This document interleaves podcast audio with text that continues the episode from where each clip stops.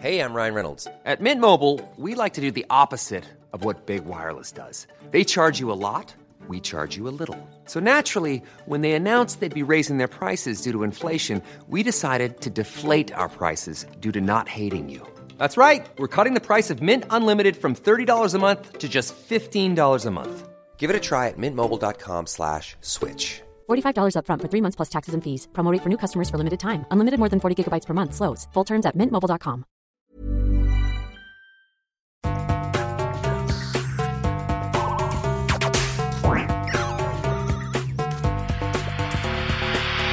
Jeg heter Sondre Risholm Livrød. Jeg er psykolog, og dette er Webpsykologens podkast. Hverdagspsykologi for fagfolk og folk flest.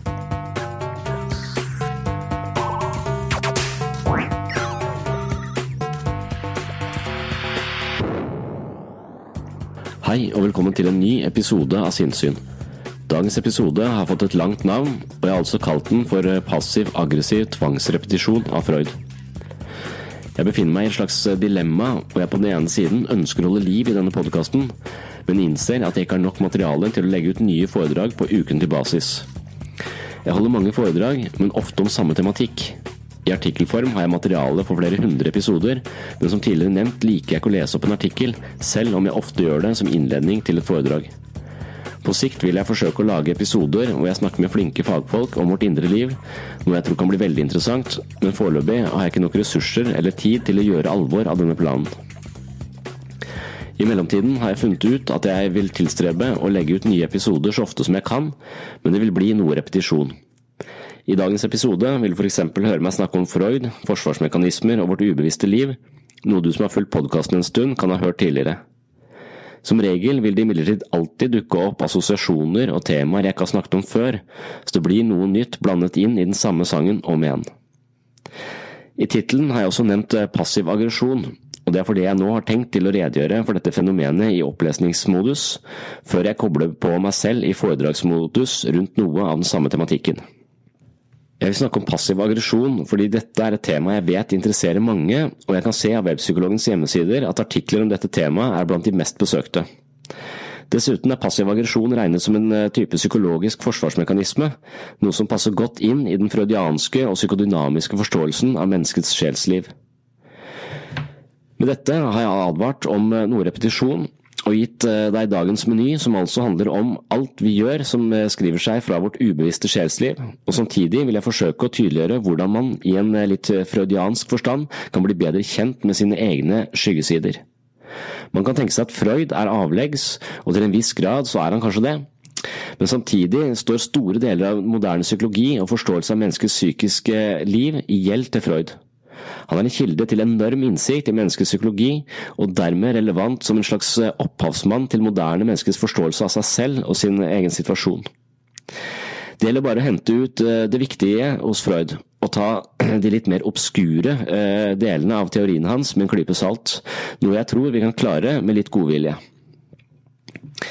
Før vi går til første del av episoden, som tar for seg passiv aggresjon, skal jeg messe i seks til ti sekunder om det vanlige.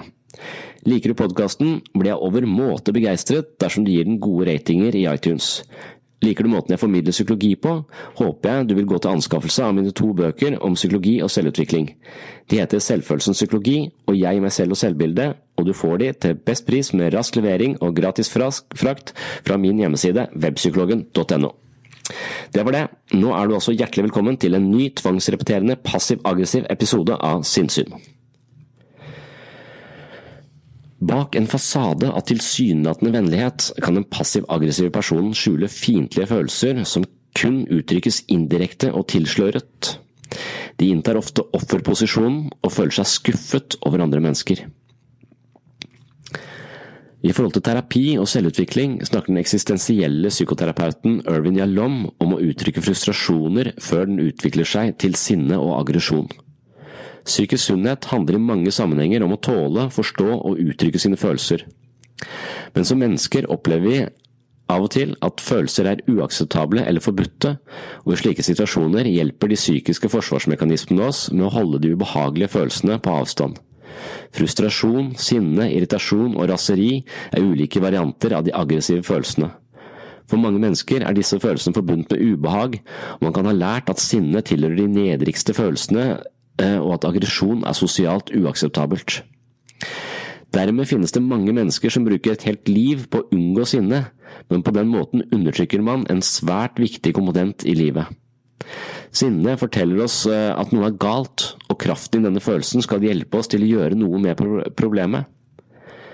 På mange måter er det sinne som skaper engasjement i livet. Det er de kraftfulle følelsene som motiverer oss til handling og initierer forandring. Dersom vi i liten grad tolererer eller aksepterer vårt eget sinne, og de ulike forsvarsmekanismene holder disse følelsene fra livet, er depresjon og likegyldighet ofte prisen vi betaler. Selv om de ubevisste mekanismene i psykens forsvarsverk holder frustrasjon og sinne på avstand, kommer følelsene likevel til uttrykk på en eller annen måte. Noen holder følelsene inni seg noe som ofte skaper indre uro og fører til at vi spenner musklene i nakkepartiet og kjeven mer enn normalt. Det kan videre avstedkomme kroppslige plager, ofte hodepine og stivhet. Det emosjonelle trykket, som ikke finner sitt uttrykk i språket og sunn selvhevdelse, kan også påvirke blodtrykket og hjertet på negative måter. I første del av denne episoden skal vi altså eh, se på en forsvarsmekanisme som kalles passiv aggresjon. Dette er en mekanisme som handler om vrede og irritasjon uttrykt på en tilsløret måte. Ved denne typen psykisk forsvar håndterer individet følelsesmessige konflikter, indre eller ytre stressfaktorer, ved å uttrykke motstand og sinne mot andre på en indirekte måte. Passiv aggresjon skjuler seg bak en fasade av tilsynelatende velvilje, men bak fasaden ligger det uvilje og motstand mot andre. Det er ikke alltid så lett å oppdage dette.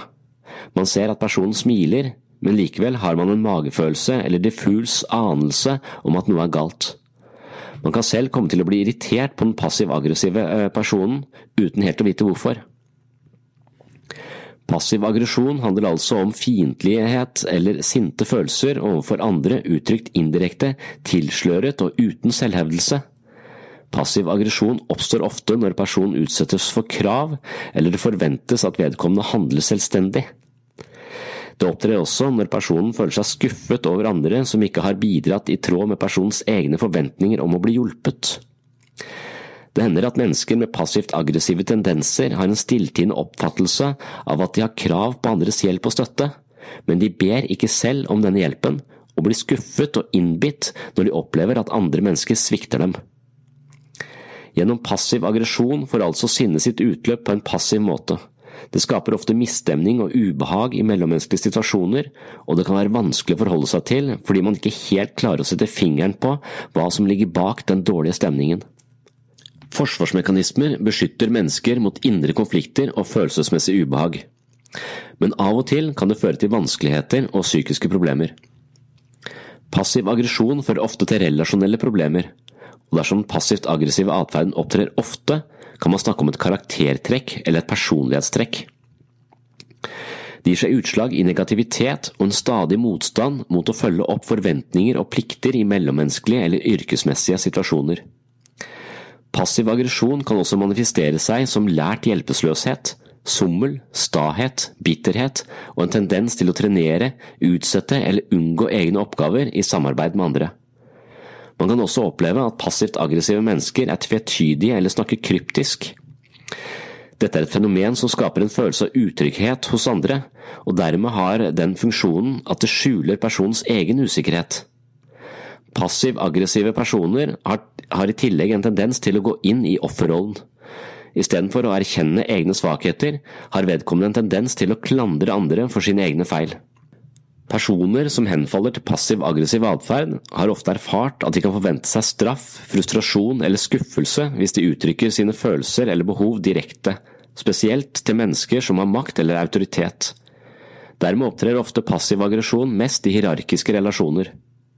Fiendtlighet uttrykkes passivt gjennom en holdning om at personen er berettiget til nettopp det han eller hun ikke ber om, eller at andre må ta spesielt hensyn til ham, selv om dette heller ikke begrunnes eller uttrykkes.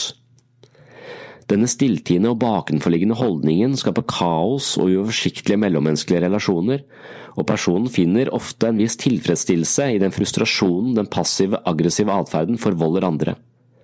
Sinne som uttrykkes passivt gjennom en stilltiende, urimelig atferd, nølende holdninger, glemsomhet, unnvikelse og tvetydighet, er måter som den passivt aggressive personen henfaller til for å uttrykke følgende.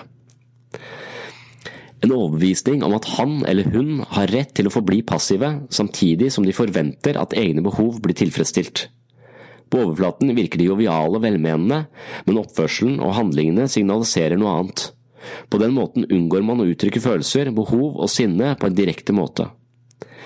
Sinne rettet mot dem som stiller krav, uttrykkes gjennom en eh, dult motvilje, noe som irriterer andre, men gir den passivt aggressive personen en viss tilfredsstillelse og følelse av hevn, selv om det er ødeleggende for personens sosiale forbindelser.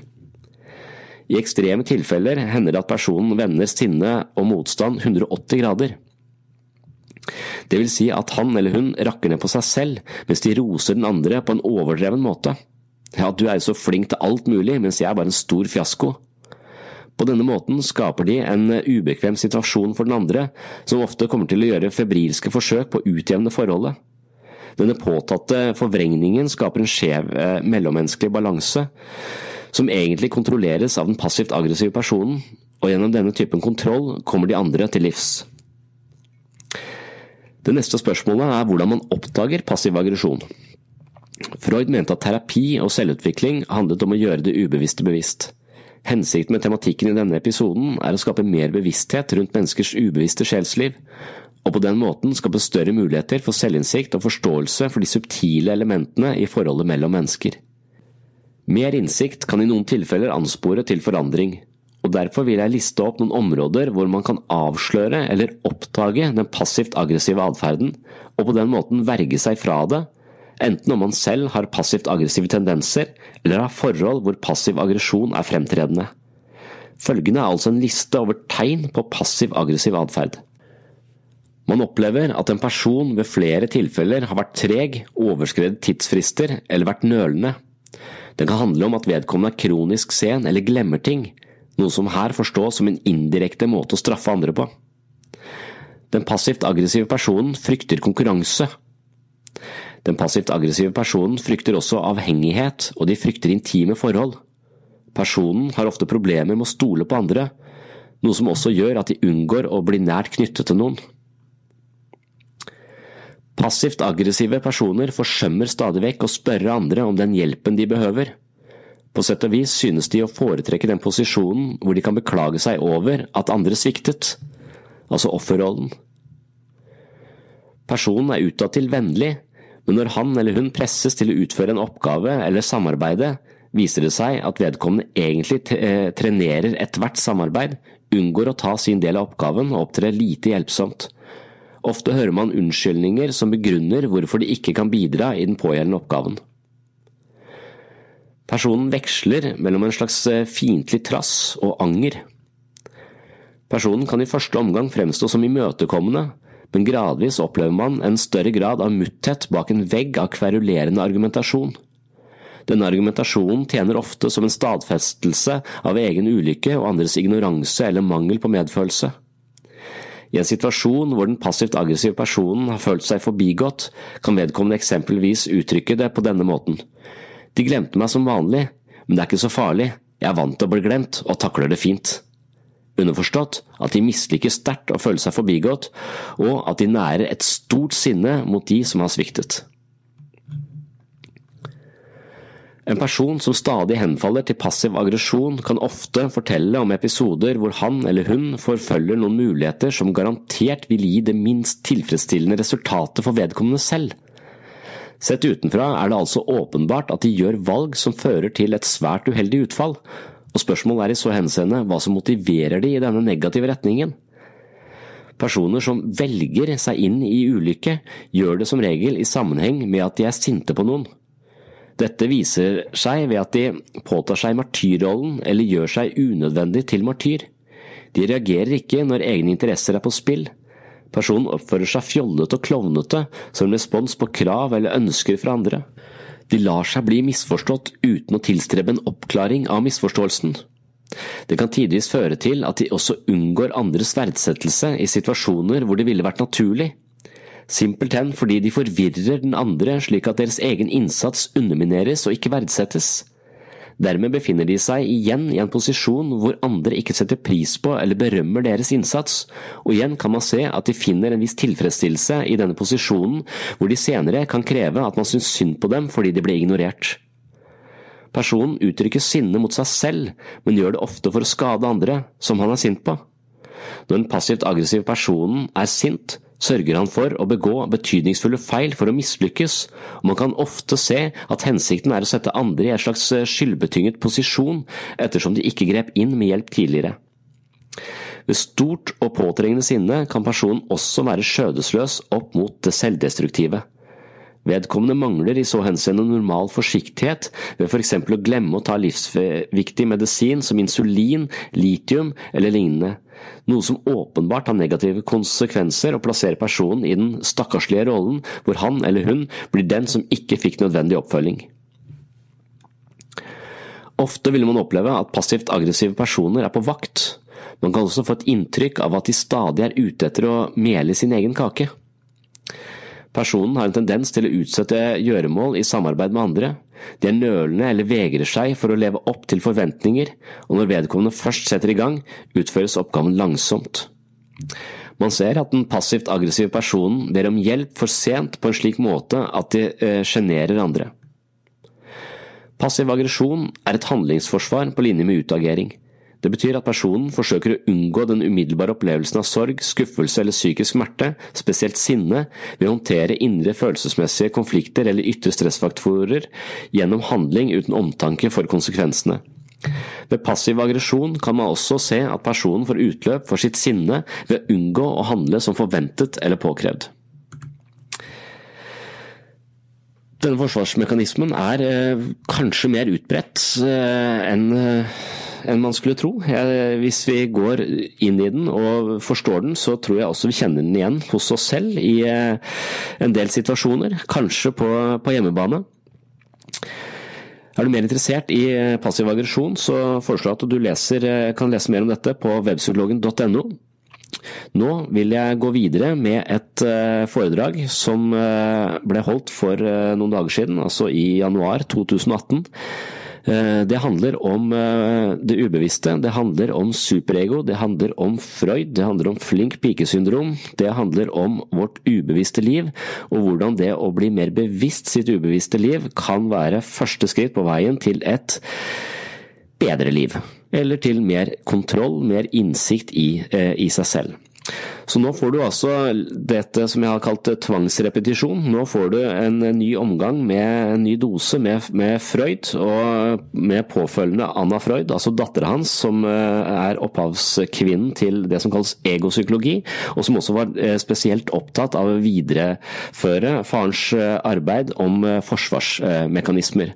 Så nå en salig blanding av Freud, Anna Freud, forsvarsmekanismer og ubevisste eh, impulser.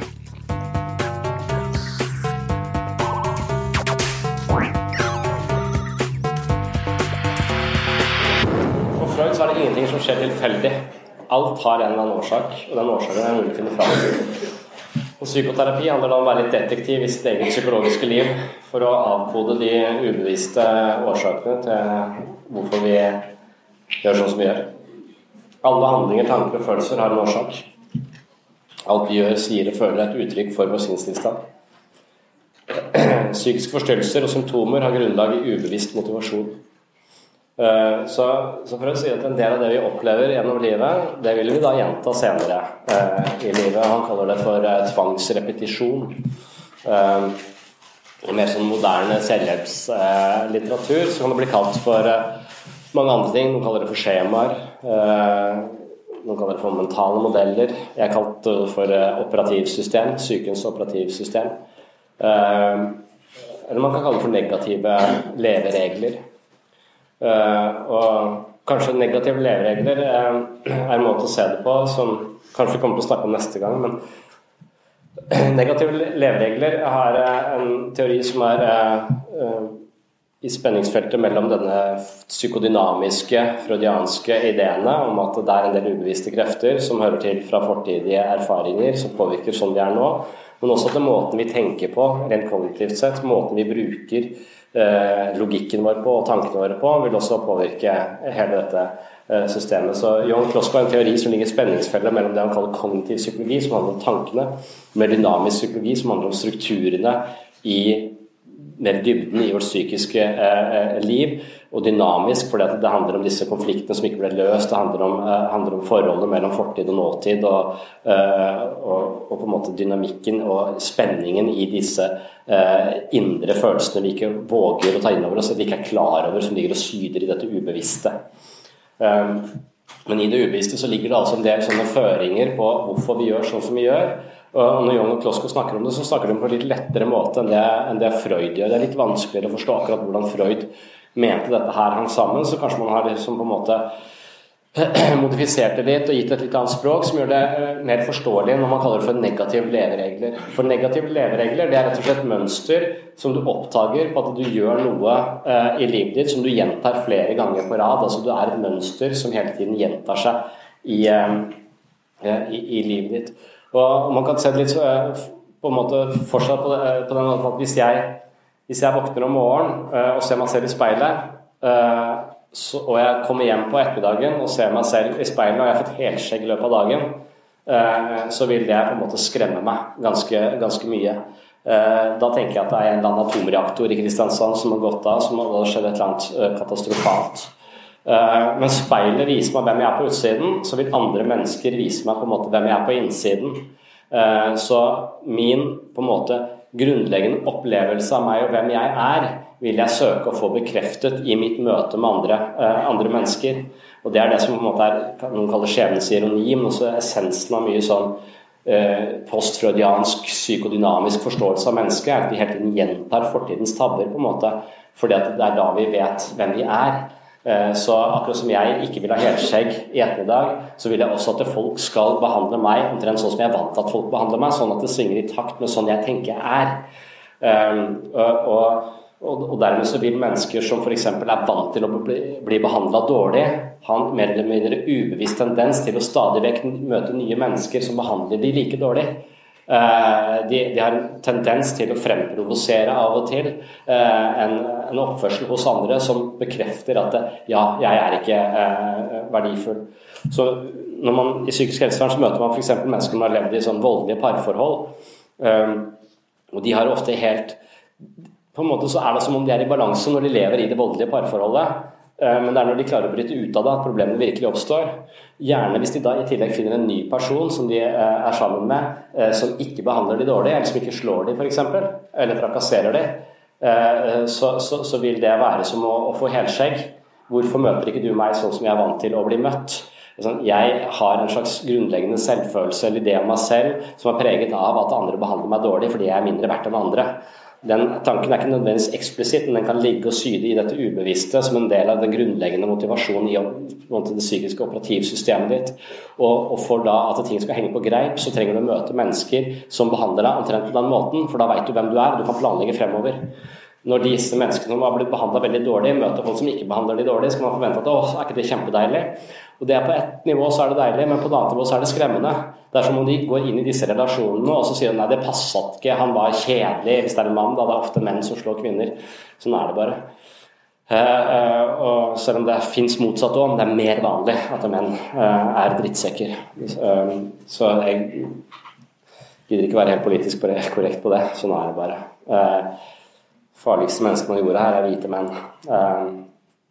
Så, så, så, i hvert fall så, og Når de da kommer i, på en måte i Eh, i, i, når de virkelig får problemer med seg selv, er det hvis de da finner en person som ikke slår dem. Og, da er det nesten av og til som de begynner å prøve å fremprovosere slaget hos den andre, som de begynner å oppføre seg eh, på en eller annen litt sånn eh, bedriten måte, bare for å på en måte fremprovosere noe i den andre som får ting av, eh, i balanse hos en selv. Men dette er en ubevisste krefter. ikke sant? Så at eh, Hvis du er vant til å bli behandla dårlig, og plutselig behandler deg helt annerledes, så vet du ikke hvem du er. Du mister på en måte fotfestet, du mister identiteten din. Det er som å falle fritt. Så, eh, så, det er mer skremmende å, å, å bli behandla bra enn det er å bli behandla dårlig. Eh, da aner jeg ikke hvem er jeg nå. Hvis du ikke slår meg, så aner jeg ikke hvem jeg er. Kom igjen, slå meg, slå meg, slå meg. Og de sier det ikke, men på en eller annen måte så utspiller det seg mellom i, i, relasjonen. Uh, fordi at de er ute etter å få disse tingene uh, til, til, å være i hakk. Det er fordi at vi mennesker på en måte er ganske konservativt anlagt. Vi gjentar her fortidens De skadeligste relasjonene vi hadde når vi vokste opp, er noe vi har tendens til å gjenta senere i livet. Eh, og Det betyr ikke at ikke andre mennesker er skyld i det. Noen mennesker er drittsekker, men av og til så søkes vi mer eller mindre ubevisst til disse drittsekkene. Vi inngår i parforhold som hele tiden gjør at vi blir behandla på den samme dårlige måten. Eller vi inngår i parforhold som hele tiden eh, går i oppløsning på den samme måten. Altså, og, til dette kan ha en slags årsak eh, bakover, er Freud sin idé, dette at fortiden lever i nåtiden. Og når vi ser nåtidens mønster, så kan vi på en eller annen måte spole tilbake og finne ut av hvor, hvor hvordan kan vi forstå dette mønsteret ut ifra de erfaringene du har eh, tidligere. Problemet er at en del av det ubevisste er utenfor språket, så det er vanskelig å komme til. Eh, derfor er det ikke så lett å kode seg selv langt ned i dette grumsede dypet av ubevissthet. Mens Freud mente da at eh, kongeveien til det ubevisste var via drømmen. Eh, derfor så drømmetydning, den boka han slo gjennom med, også det er et av de viktigste eh, psykoterapeutiske redskapene til Freud, er eh, å tolke drømmer. For jeg mener at I drømmen så er ikke disse kontrollmekanismene våre på, så drømmen viser oss en slags maskert variant av alt det som er i koker og syder i, i dette ubevisste livet vårt. Um, for å, forstå, for å kjenne til Freud, så må vi liksom kunne de psykodynamiske begrepene. De grunnleggende psykoanalytiske psykodynamiske begrepene. Eh, vi har det bevisste, det førbevisste og det ubevisste er viktig å få med seg. Og så er dette id, ego, superego eh, eh, viktig å få med seg. Id er dette det Freud ser på som en slags lager av instinkter og drifter. Eh, som, som, ligger mest i dette ubevisste. Eh, her er det på en måte alt begjær og alle forbudte følelser eh, ligger. Eh, og hvis det får fritt utløp, så, så blir vi på en måte instinktive dyr som bare opererer helt uten grenser og og omtanke for andre.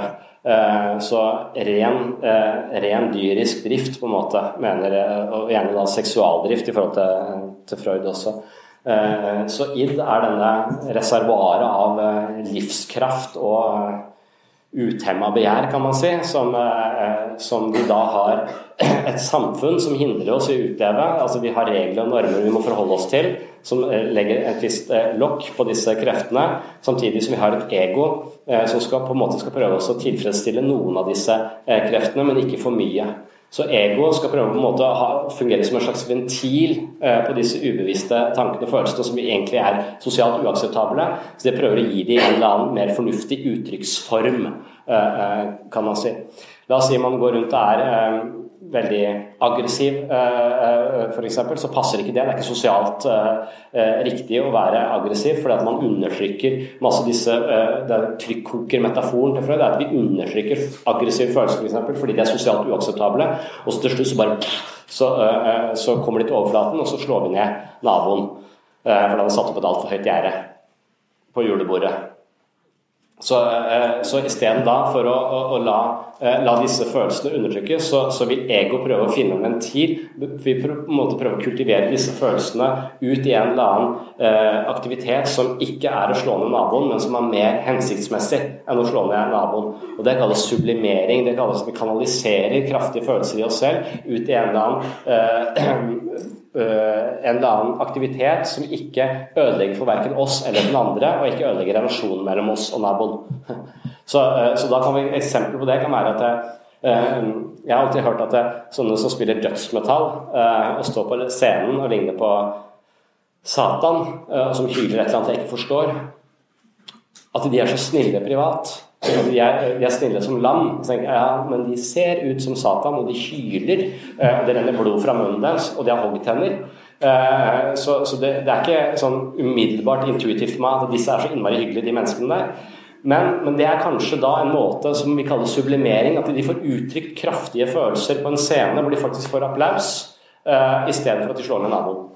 Da kan det være at de ikke har noe behov for å slå ned naboen, for de har funnet et uttrykk for disse eh, følelsene et helt annet eh, sted. Og kanskje til og med har gitt publikum en slags ventil for å uttrykke kraftige følelser, som gjør at ingen av publikum heller slår ned naboene sine når de, når de kommer hjem. Kanskje fotballkamper har en sånn eh, effekt på, på, menn. Kanskje det er derfor de går og hyler på, på fotballkamp for å slippe å, å slå ned naboen. Ehm, så det, det, det, finnes eh, på en måte vikarierende prosjekter vi gjør som er mer hensiktsmessig enn å undertrykke alle disse følelsene. Det kalles sublimering. Så Ego sin oppgave er å finne på en måte tilfredsstille disse eh, driftene på en eller annen måte, men ikke gi de fritt utløp, for da blir det helt galt. Ehm, og så har vi superego. Superego er på en måte en slags internalisering av den strenge faren din eh, eller mora di.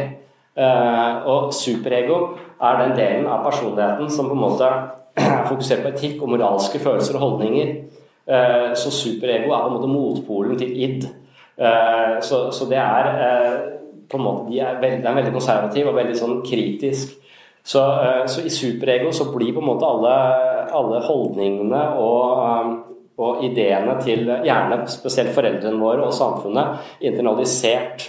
Så det blir som en litt sånn streng dommer. Og hvis du har et for strengt superego, så vil du på en måte aldri gå på fest. da. Det er problemet. Eh, så, så på, liksom, når du enten skal lese til eksamen, eller du skal gå på sånn pub crawl, eller hva det er eh, et eller annet sånt, så, så, så er, det, er, det, id mot superego.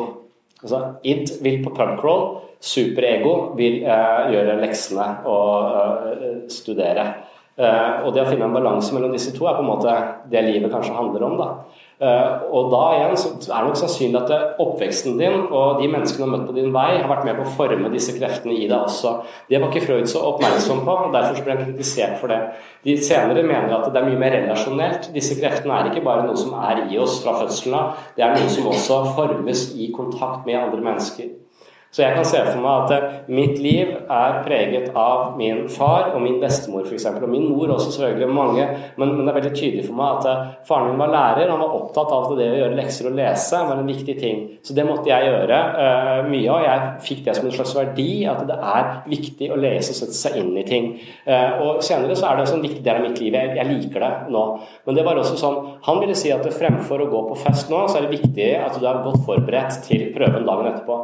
Hvis jeg snakker med bestemora mi, så sa hun at du, livet er altfor kort, jeg kommer snart til å daue. Eh, det der å drive og lese på lekser, det er helt bortkasta. Du må bare kose deg mens du har tid. Kjør på. Så hun er en stemme for id. ikke sant? Hun er en stemme eh, som eh, går for lystprinsippet, eh, som hører til id, eh, fremfor dette mer eh, superegoet. Og det å bli menneske, denne kulturpsykologien som er i et av de siste kapitlene vi skal gjennom, snakker om at det å bli menneske egentlig er å internalisere disse dialogene vi har hatt med betydningsfulle andre mennesker. Det er det som gjør oss til den personen vi er i dag. Så når jeg reflekterer over om jeg skal gå på fest, nå har ikke jeg vært på fest på fem år, jeg er småbarnspappa, så det er ikke noe alternativ lenger. Eh, men i den grad jeg gjorde det, at jeg reflekterer over om jeg skal forberede meg eller gjøre noe som på en måte er gøy, så er det på et eller annet nivå bestemoren min versus pappa. Uh, som, som, snakker, men jeg opplever ikke det. Jeg hører ikke stemmer, på en måte. Noen gjør jo det også, helt, helt, fysisk. Jeg hører ikke stemmer, men jeg tror at mine avgjørelser, mine avveininger da, er på en måte ego mot id. Eh, og det er også da personer i livet mitt som har hatt stor betydning for meg, som har vært viktige for meg, som på en måte er litt motpoler også. Så det jeg opplever som min egen refleksjon, er egentlig et ekko av uh, samtaler jeg har hatt tidligere i livet mitt. Og da kan man se, hvis du bare har samtaler med folk som sier at du skal gjøre det riktige, og, det ene, og at det, du må være pliktoppfyllende og ordentlig og sømmelig i alt du foretar deg, og aldri uh, og fordømmer alt som har med å være i Thailand uten å huske noe, uh, så, så, vil du kanskje få et liv med et veldig strengt superego. og Du vil kanskje bli veldig patentig og ordentlig, men du er kanskje ikke veldig god på å kose deg eller leve livet. Uh, så det var jo beskjeden bestemt. Det er viktig å kose seg, det er viktig å ha det bra her og nå. og ikke la dette superegoet gi deg ta for mye makt, for da får du et, et tørt og angstpreget og sånn stivt liv, og det vil du ikke ha. Det er ikke det du kommer til Når du, når du ligger på dødsleiet, så angrer du ikke på at du gjorde for lite lekser. Det er ikke det som folk pleier å si når de, når de er i ferd med å legge på røret. De angrer ikke på at de var Så, så det å finne en balanse her. Men det er så klart viktig å gjøre lekser. Det er jo så viktig å ha ambisjoner og målsetninger og ha selvdisiplin til å gjøre ting eh, sånn at vi når et sted. Hvis vi bare eh, Hvis jeg hadde blitt stranda i Thailand eh, i 98, så hadde jeg ikke stått her i dag. Det var viktig at jeg kom meg vekk fra den stranda på et eller annet tidspunkt. Eh, jeg har inntrykk av at noen hadde vært der i årevis da jeg kom dit. Så, så, så, stranda i Thailand er for meg et bilde på id. Eh, der er det folk med fakler og noen bøtter, og det er helt vilt, på en måte. Eh, og der er det noen som setter seg fast og kommer aldri derfra. Og det er helt jævlig. Det er et slags helvete, vil jeg tro. Eh, for meg forbundet med en viss angst også. Jeg hadde en viss angst jeg var klar over. Det var noe frigjørende med det, men det var også noe angstpreget med det. Og heldigvis så kom et superego inn og redda meg ut fra det. Jeg kunne godt sikkert blitt værende der for lenge. Så Man kan tenke litt sånn på disse ideene Freud har om superego, ego, id. Og det er ego som er denne meglende instansen. Det er egoet mitt som skal være fornuftig og ha realitetsprinsippet. Den skal være tettest på virkeligheten og den gode vurderingen. Og forstå at det er forskjellige krefter her som må tilfredsstilles. Vi må finne en balanse i dette regnskapet, sånn at vi kommer noen vei. Ja. Spørsmål eller innspill?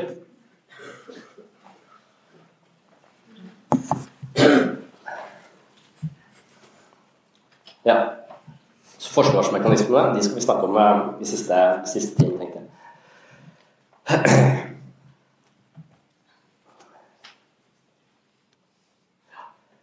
Så er det en del sånne uh, begreper. Sånne primitiv, umoden instans, id. Altså det er et kaos, en heksegryte av sydende spenninger.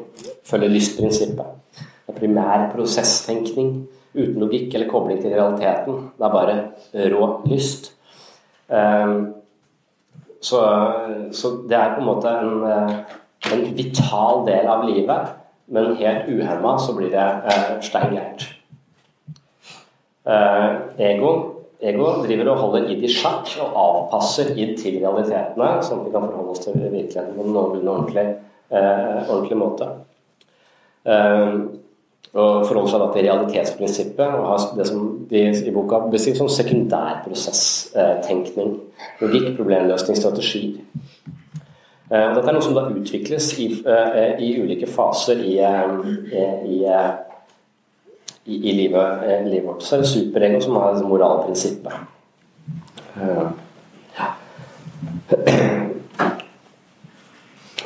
Så, det, så, har, eh, så, har, Freud da så noen sånne begreper om hva angst egentlig er, er for noe.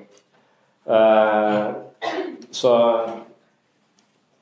man kan ha forskjellige former for, uh, uh, for angst. det er noe som er objektiv angst. Det er den mannen med balltre. Det er på en måte en helt reell frykt for noe som faktisk er farlig, og det er lurt å stikke av. Det kaller man objektiv angst. Og så er det nevrotisk angst. Det kaller han konflikt mellom id og ego. Nevrotisk angst er den der vaklingen mellom skal jeg gå på fest eller gjøre lekser, skal jeg gå på fest eller Jeg vet ikke, jeg ambivalent. Jeg klarer ikke å, å, velge. jeg klarer ikke å velge. Eh, den der spenningen mellom det riktige og det, og det mer, mellom fornuften og lystprinsippet, eh, det kaller han eh, nevrotisk angst. Eh, man kan nesten på en måte sette seg fast i nevrotisk angst hvor man aldri får gjort verken leksene eller vært på festen, fordi man bare hele tiden blir sittende og sånn vurdere hva man skal, og så ambivalensen tar en, som får ikke gjort det ene eller det, eh, det andre. Og så er det noe som er kalt for moralsk angst. Eh, det er konflikten mellom ego og, og, og superego. Man kan ha på en måte altfor strenge standarder her oppe i, i, i superego Eh, et superego som på en måte aldri blir fornøyd.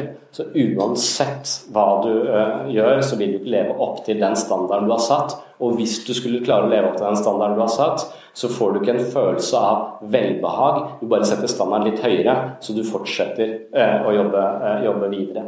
I forhold til disse levereglene, hvordan vi gjentar fortidens tabber, så kalles dette ofte en sånn overdreven kritisk strenge standarder en leveregel folk kan ha. Man kan tenke seg at uh, når jeg har barn og jeg driver og tar bølgen hver gang de lærer seg å sykle eller svømme eller sånt og applauderer alle prestasjoner, så er jeg kanskje med på å på en måte gi dem en slags idé om at du er verdifull i det du presterer.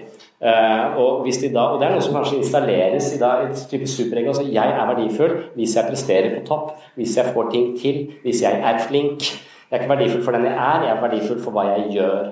Og den ideen vi har om at vår egen verdi som menneske er knytta til prestasjonene våre, er utrolig vanskelig å leve med. Den har de fleste av oss til en eller annen eh, grad. Eh, vi, vi, vi tenker at eh, verdien vår kan måles i hvor, hva slags bokstav man får på eksamen. på en måte. Det sier noe om mitt menneskeverd, nærmest. Noen har det med humøret sitt. altså Jeg er en verdifull person hvis jeg føler riktig. Eller, så, så, det å koble sin egen selvfølelse eller verdi til f.eks. prestasjoner, det er kjempeslitsomt. Og de som har mye av det, de vil ofte bli leger, for det er det vanskeligste å, eh, å bli. De setter alltid lista veldig høyt. De går aldri på, uh, på, fest, og de jobber og jobber og jobber. Og jobber og jobber. Og noen av de tenker at den eneste måten å få en pause på, det er å dø. For de føler at med en gang jeg slutter å prestere, så eksisterer jeg ikke. Da er jeg verdiløs. Så når, når, din egen selvfølelse eller identitet er knytta så sterkt til om det er utseendet ditt eller om det er eh, prestasjonen din, eller sånt noe, så er du på en måte fanget i et eller annet livsspill som er dødsslitsomt å holde på med. Så de kan ikke ta en pause, de kan ikke gjøre noe middelmodig. De er nødt til å gjøre det perfekt hele, hele tiden. Og den eneste måten å slippe unna på, er å ta livet sitt. Så når man møter mennesker som har en sterk sterk superego, som på en måte pisker det gjennom livet, så er dette med selvmordsfare ganske sånn eh, Eh, eh, litt obs. Vi vet at de som har for mye, de har så sterkt superego, har en tendens til å ikke orke mer til slutt. Eh, som en eneste måte å få pause på, liksom. Jeg, en, jeg husker jeg hadde en, en dame som hadde denne Ja, du stiller spørsmål?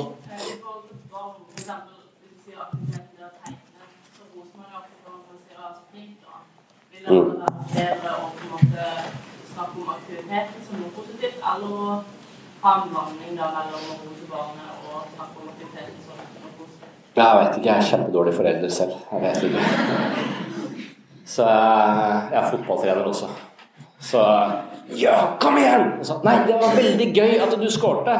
Jeg vet ikke hvordan jeg skal si når de skårer. Jeg syns jo det er stas at de skårer, og jeg vil jo vinne. Eh, men det er ikke så viktig det når de går i tredje klasse. Eller jeg vet ikke. Det er dritvanskelig. Eh, å forholde seg til dette. Men det er vel bare en idé om at eh, ubetinga kjærlighet Jeg er grunnleggende sett fornøyd med deg sånn som du er. Eh, men vi må jo også berømme prestasjoner, for det handler jo om å også ha en slags motivasjon. Så jeg tenker at når jeg er opptatt av å lese og opptatt av teori og filosofi og sånn, så er ikke det fordi at ingen har berømma meg for det. Det er fordi at når jeg har holdt på med det, så har jeg fått en tilbakemelding på at det er lurt og bra og spennende av øh, min far, kanskje, som var veldig opptatt av det. Og det gir meg en verdi i dag.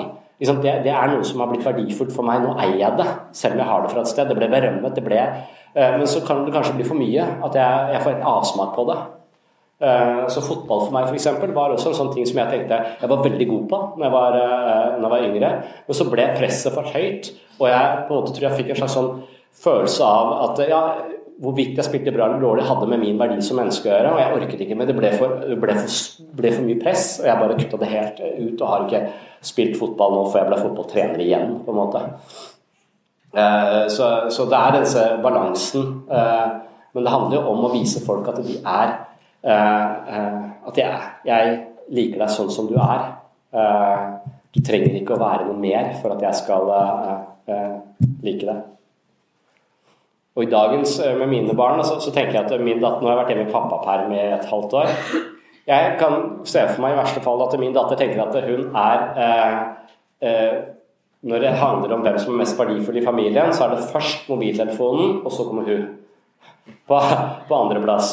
Eh, det er et sånt problem jeg føler er eh, altoverskyggende i dag, at vi er kobla til denne mobilen. og Det å ha en pappa på mobil er som å ha en deprimert pappa som ikke gir deg oppmerksomheten du trenger. Ja på jeg tenker med trygghetssirkel når det kommer til barn. At du skal være den trygge basen og støtte de ut. Ja. At du på en måte da skryter de på vei ut, men at de da kommer ut som må hjelpe dem selv. Ja. Og så kunne, hvis de da feiler, kunne komme tilbake til en trygg base. Mm. Ja. Jeg har på det der hvis du, altså, du skal skryte av dem. Mm. Det er jo ikke feil å si det. Nei. Men det er jo den hvis du bare, hvis du bare har fokus på den første delen, mm. bare skrytinga og de feiler og ikke kan komme tilbake, ja. så vil du stikke den mm.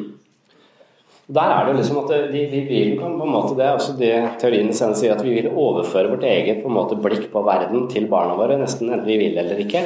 Så, så hvis, hvis, jeg er veldig redd for verden, og ser på verden som et veldig skremmende sted, så vil jeg også si 'pass på, nei, det er farlig', nei. Så, så, så det er jo som om barnet i første omgang ser verden via foreldrenes øyne.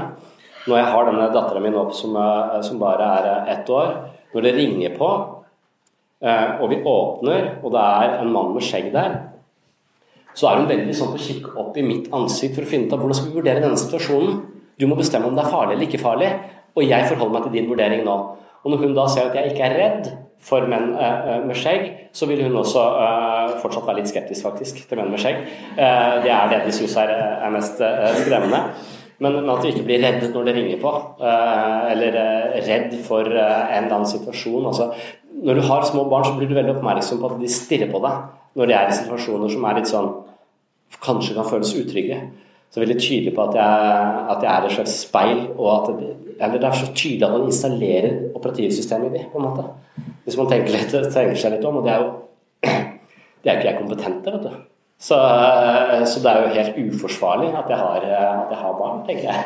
Det er verdens vanskeligste oppgave, og jeg er ganske sikker på og Da trøster jeg meg bare med at man er nødt til å fucke opp barna sine sånn litt for at de skal bli interessante. For perfekte folk er kjedelige. Det er uh, Men det der å ha for mye moralsk angst, det syns jeg er litt uheldig.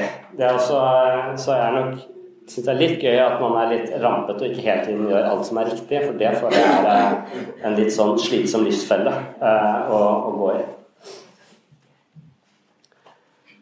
Ja. Så går det fra oralstadiet. Det skal vi kunne. Eh, vi skal, dette er grunnleggende psykodynamiske begreper. Eh, vi hadde nå id, ego, superego.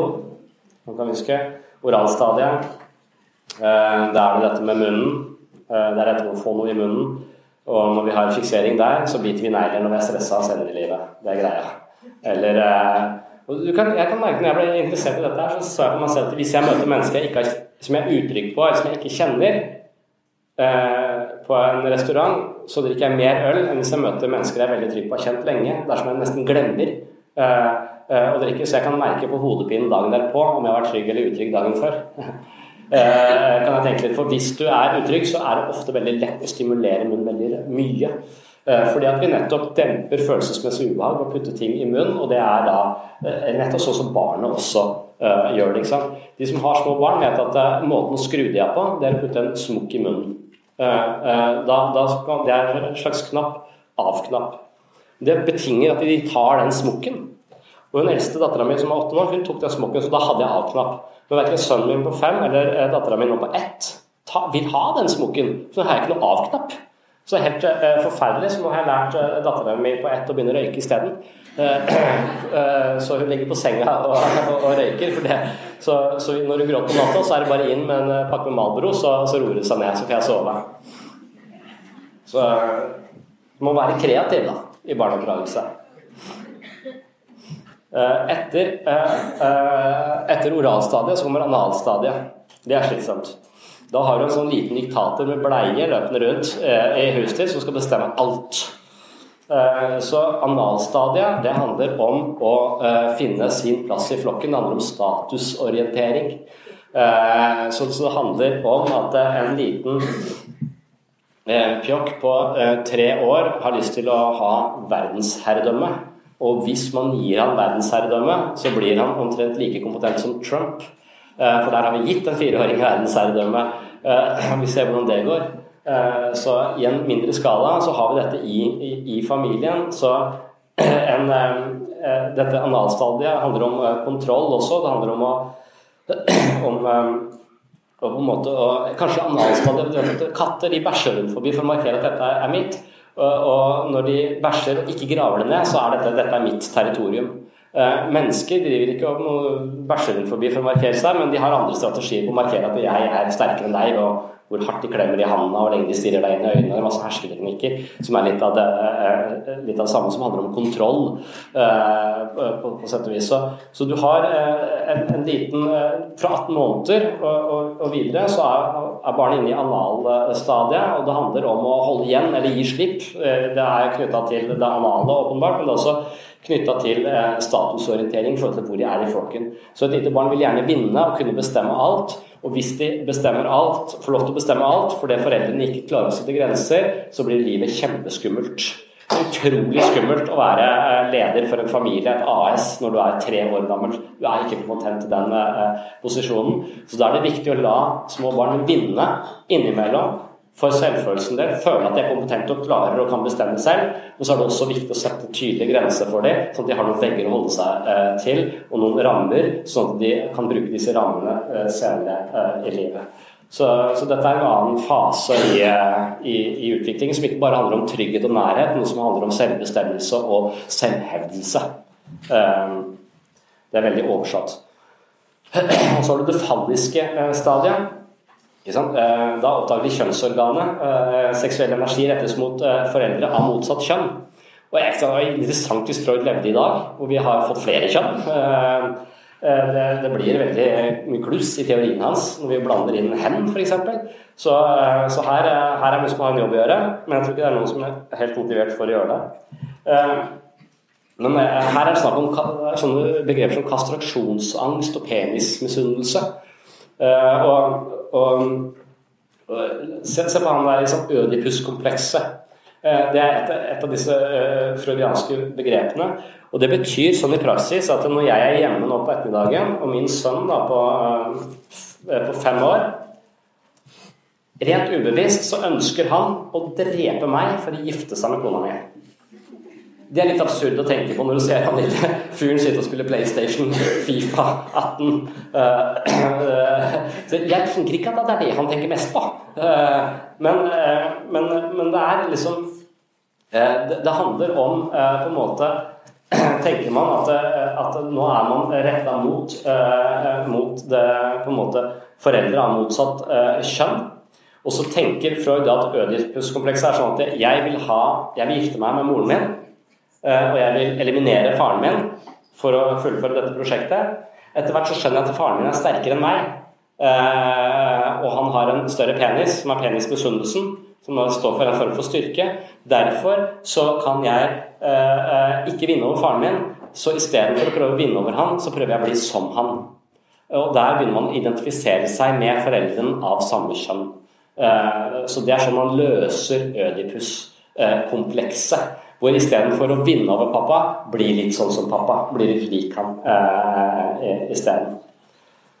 Så man tenker hva man vil om det. Det står på pensum. Freud sine sinnssyke ideer. Men det, er, det, kan høres litt sinnssykt ut, men kanskje det er noe i det. Hvis man bare oversetter det litt, hvis man tenker litt eh, annerledes om det. Så, eh, så jeg, eh, vi, har en, vi har en do som på en måte ser rett inn i dusjen. Eh, og så, For ikke så lenge siden så satt sønnen min på do, og så sto dattera mi i dusjen. Og så satt han og så på henne, og så sa, sa sånn at Du, har, har hun mista tissen? Og da tenkte jeg kastrasjonsangst med en gang. For det er altså en sånn fantasi fra mente at han øh, Søsken tenkte at, at storesøster har Noen har kappa tissen av storesøstera øh, for å på en måte dempe denne øh, kraften, på sett og vis. Men det blir for mye å gå inn i dette. Men dette, det, det, er helt absurd, men dette var sånn Freud snakket om det. Han var veldig opptatt av denne libido-kraften som var retta til forskjellige organer. Så vi får ta det for det. Latensfasen seks år til pubertet, mente det ikke var så mye utvikling. Genitalstadiet, eh, libido fokuserer på genitalene, ingen spesifikke konflikter. og Dette er også Freud kritisert for. Han var mest opptatt av eh, fødsel til seks år. Eh, det var det viktigste for han. Uh, det er også kritisert for, for folk sier at det kommer ekstremt mange utfordrende faser etter dette null til seks år. Det er bare starten. På jobben sier de meg at små barn, små problemer, store barn, store problemer, sier de. Eh, så jeg bare ser for meg at det Og her kommer folk inn og fyller inn, eh, inn Freud sine mangler, bl.a. dattera hans, Anna Freud, som mente at det var helt klart at denne puberteten f.eks. var en helt ekstremt vanskelig fase, hvor alle denne kraften eh, eh, som er seksualdriften, som skyller inn over et ego som ikke, som ikke er sterkt nok til å håndtere det, kan skape en haug av symptomer og faenskap i et, i et ungt menneskes liv som ligner på psykisk lidelse, men det er egentlig et ego som er overvelda av impulser som ikke har noen forutsetninger for å håndtere. For ego er egentlig ikke ferdig eller sterkt nok utvikla før man er 25. Og ego assosierer nesten med prefrontal cortex, for det er der vi regulerer og uh, forstår oss selv. Det er her oppe i panna, det er den delen av, uh, av hjernen. Så hvis, hvis, ego sitter et sted, så sitter den her uh, oppe. Og, og, hvis id sitter noe sted, så er det i det limbiske systemet som sitter lenger nede i hjernen, i reptilhjernen. Så man kan begynne å snakke sånn biologi og Freud om hverandre litt, hvis man vil blande de to kvadrantene, den mer objektive, mot denne mer sånn subjektive og litt sånn sinnssyke kvadranten til, eh, til, Freud i hans språk. Da. Men eh, med godvilje så kan man si at det er noe i, eh, i det Freud, i det Freud sier. Normally being a little extra can be a bit much, but when it comes to healthcare, it pays to be extra. And United Healthcare makes it easy with Health Protector Guard fixed indemnity insurance plans. Underwritten by Golden Rule Insurance Company, they supplement your primary plan, helping you manage out of pocket costs without the usual requirements and restrictions like deductibles and enrollment periods. So when it comes to covering your medical bills, you can feel good about being a little extra. Visit uh1.com to find the Health Protector Guard plan for you.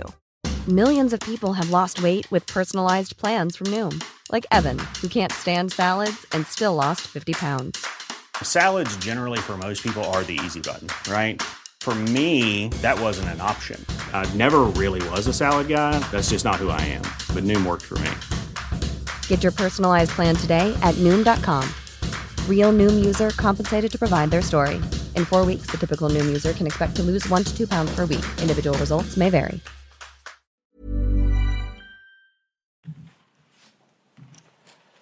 Psykoanalysens mål altså, ja, endre personligheten ved å jobbe med førbevisst og ubevisst materiale. Eh, det er fri assosiasjon, drømmetydning, vi har snakket om det.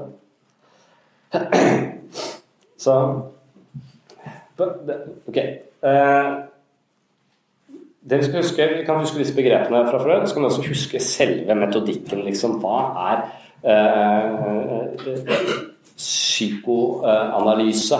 Eh, og vi kan bruke det litt eh, på oss selv, kanskje. Og, mitt beste eksempel på dette, og hvordan jeg tenker om psykisk helse, eller psykoterapi, som jeg driver med til, eh, til daglig, og også som jeg tenker om mitt eget liv, er egentlig at jeg erkjenner at 95% av alt det jeg tenker, føler og foretar meg, har jeg ikke kontroll på. Og jo mer jeg kan forstå det, jo mer kontroll vil jeg ha. Så det kan være et slags mål i, mål i seg selv. Spesielt i situasjoner hvor jeg ikke har det bra, eller hvor jeg reagerer uhensiktsmessig. Og I de situasjonene hvor jeg reagerer eh, uhensiktsmessig, det er bl.a. på babysang.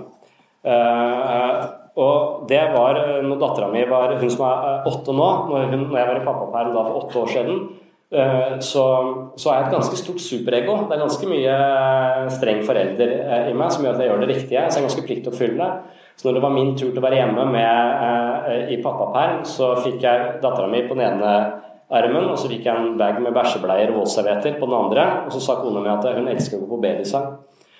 Og hvis denne lille klumpen på ni måneder elsker å gå på babysang, for det er viktig for hennes musikalske utvikling eller et eller annet rart, jeg aner ikke hvorfor det skulle være hensiktsmessig å gå der i det hele tatt, så tenkte jeg at da er jeg nødt til å følge det opp. Men i hele meg jeg tenkte jeg fikk nærmest illebefinnende. Jeg kjente begynte å skjelve i knærne når jeg hørte om babysang. Jeg kunne ikke forestille meg at det var noe som jeg trives med. Men i og med at jeg har så sterkt superego, så eh, kjører jeg ut til en kirke ute på Søm, hvor det, de da arrangerer eh, babysang.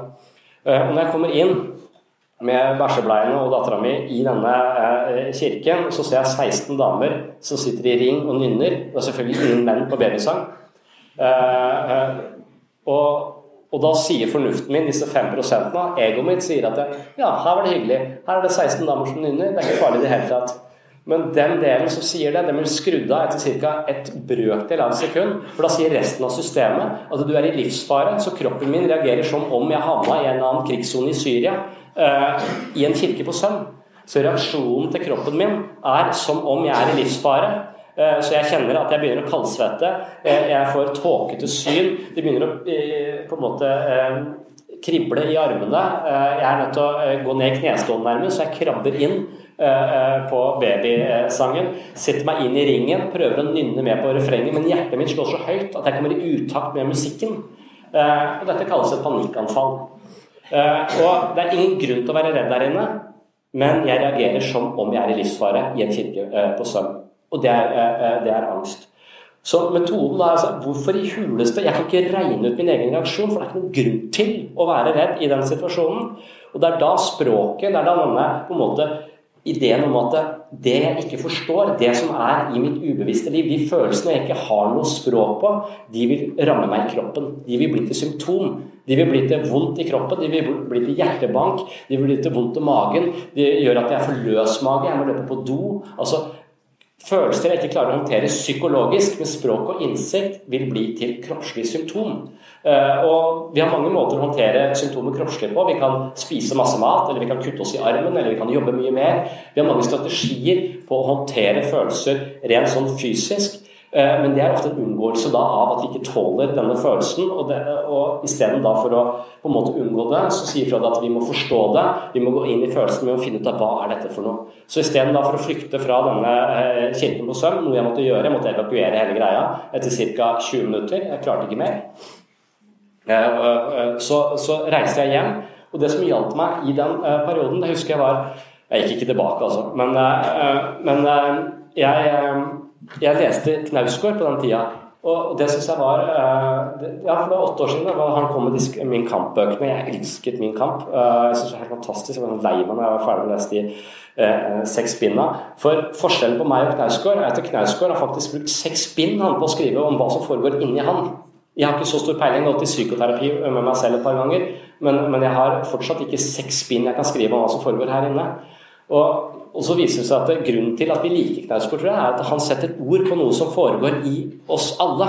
På sett og vis. Det er ikke det at vi er helt like Knausgård, men han har et språk for noe som foregår på innsida, som vi også ofte kan bruke i vårt eget liv. Og En uke etter jeg hadde vært på babysang, så leste jeg faktisk 15 sider hos Knausgård om hvordan han hadde det på babyrytmikk, som er den svenske varianten av babysang. Og da får jeg et språk på mitt eget ubehag. Og det det står da hos Knausgård, er at menn på babysang står i fare for å miste sin maskulinitet og bli impotente. Og da skjønner jeg jo reaksjonen. Jeg får et språk, jeg får en forståelse. Jeg var i ferd med å bli impotent i en kirke på søm. Jeg mistet min maskulinitet blant alle disse damene. Og da vil Freud si ja, du er usikker på din egen maskulinitet. Det er tematikken vi skal jobbe med her i eh, i psykoterapi som har en sånn klokke over, eh, over, øynene mine. Og så vil vi jobbe først med, ja, med serimisme eller hypnose, som han begynte med. Men så fant hun ut at hypnose egentlig ikke var så effektiv, for vi hadde veldig mye tilbakefall. Så vi må egentlig bearbeide disse konfliktene knyttet til min egen maskulinitet uten å bli hypnotisert. Så det må vi sette ord på. Men jeg følte det hjalp. Nå har, Selv om ikke det stemmer at jeg var i ferd med å miste min maskulinitet, så var det en gryende måte å få et begrep om den frykten som bare var kropp. Så en gang jeg klarer å gjøre frykten som bare er kropp, om til et språk, hvis jeg klarer å sette ord på hva jeg føler, så er jeg ikke lenger fanget av følelsen. For med en gang jeg beskriver noe, så står jeg utenfor meg selv og ser det. Jeg er ikke fanget av meg selv. Idet jeg beskriver noe, så må jeg nødvendigvis ta et skritt tilbake og se det. Og idet jeg ser det, så er jeg ikke lenger følelsen. Jeg har beskrevet følelsen, og jeg er fri fra følelsens tyranni, kan man si. Det er ideen i mye uh, psykoterapi, og vi har det uh, fra Freud. Dette er ikke avleggs, det er sånn man tenker om, uh, om psykoterapi i dag, i dag også. Det er en del kritikk av Freud, men vi kan Og vi en del kritikk er jo berettiget, men en total avskrivning av Freud er ikke berettiget på noen måte. Det er ingen enkeltperson som har hatt så stor innflytelse på som sier, folkesjela som det eh, Freud har. Det er pga. Freud vi snakker om ego, superego. Mange av de begrepene Freudens slipp, mange av disse begrepene vi har, har vi jo fra, eh, fra hans eh, på en måte banebrytende tenkning på begynnelsen, slutten av 1800-tallet og begynnelsen av 1900-tallet. Så, så, han har hatt stor stor innflytelse på hvordan vi tenker om, eh, om oss selv. Og selv om noe av det er litt sånn avlegg så, og, og, og, merkelig, så har vi fortsatt uh, står vi gjeldt til Freud, uansett hvordan vi vrir og vender uh, på det.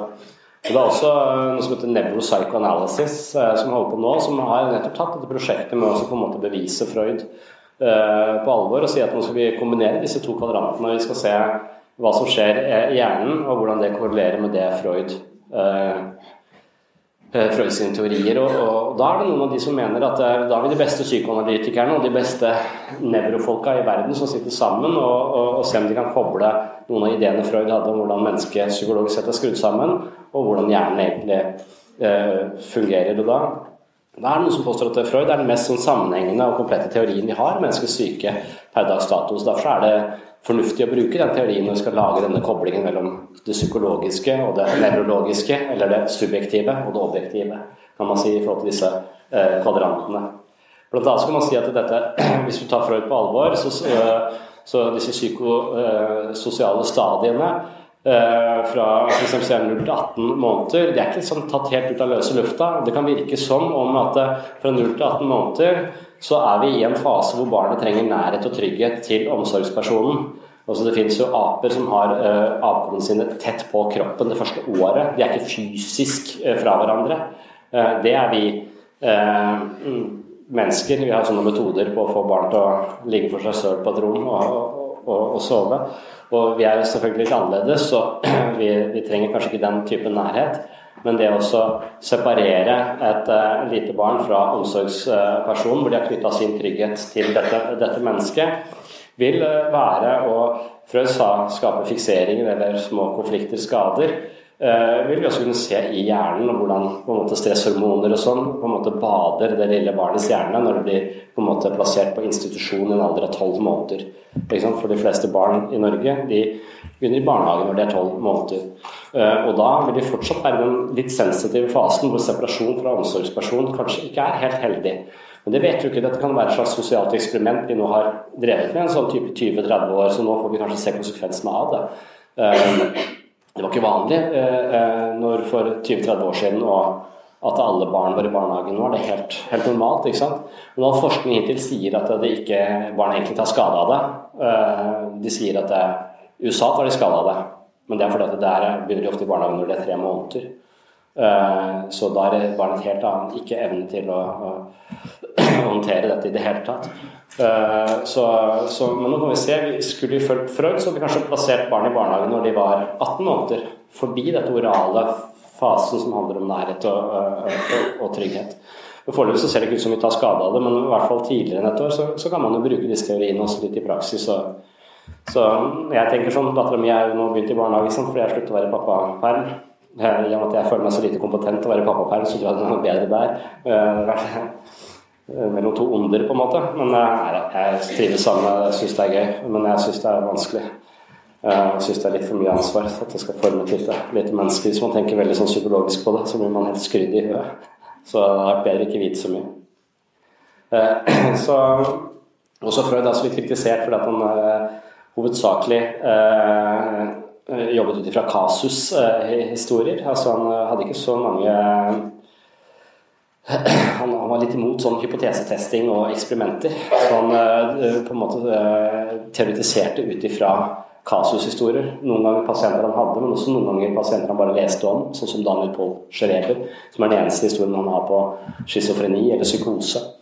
Uh, så, så han Og så hadde han mest overklassekvinner fra Wien i, i behandling.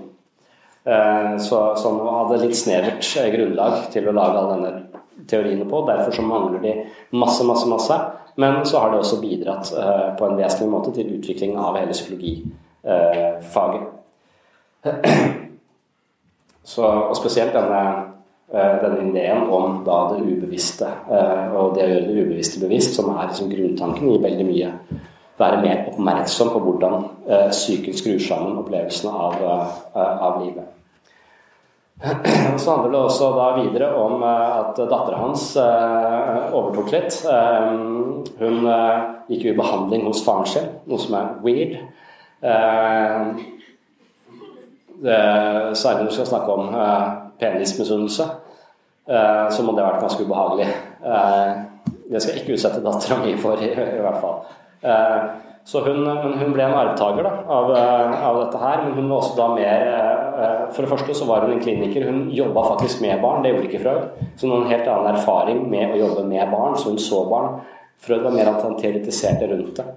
Så, så hun, hun, ble også en viktig skikkelse, og hun ble mer opptatt av ego. Hun var ikke så opptatt av disse driftene. Og Det er det man går vekk fra. Disse idde, dette seksualdriftene, det ble man litt mindre eh, opptatt av senere. Eh, mens Anna Freud da gikk videre på det som da kalles egopsykologi, og hun ble opptatt av ego. Hun var opptatt av hvordan ego håndterer alle disse kravene som kommer fra verden der ute. Superego alt vi mener og syns at vi burde gjort eh, der oppe, og også disse lystene og, og følelsene som på en måte driver oss.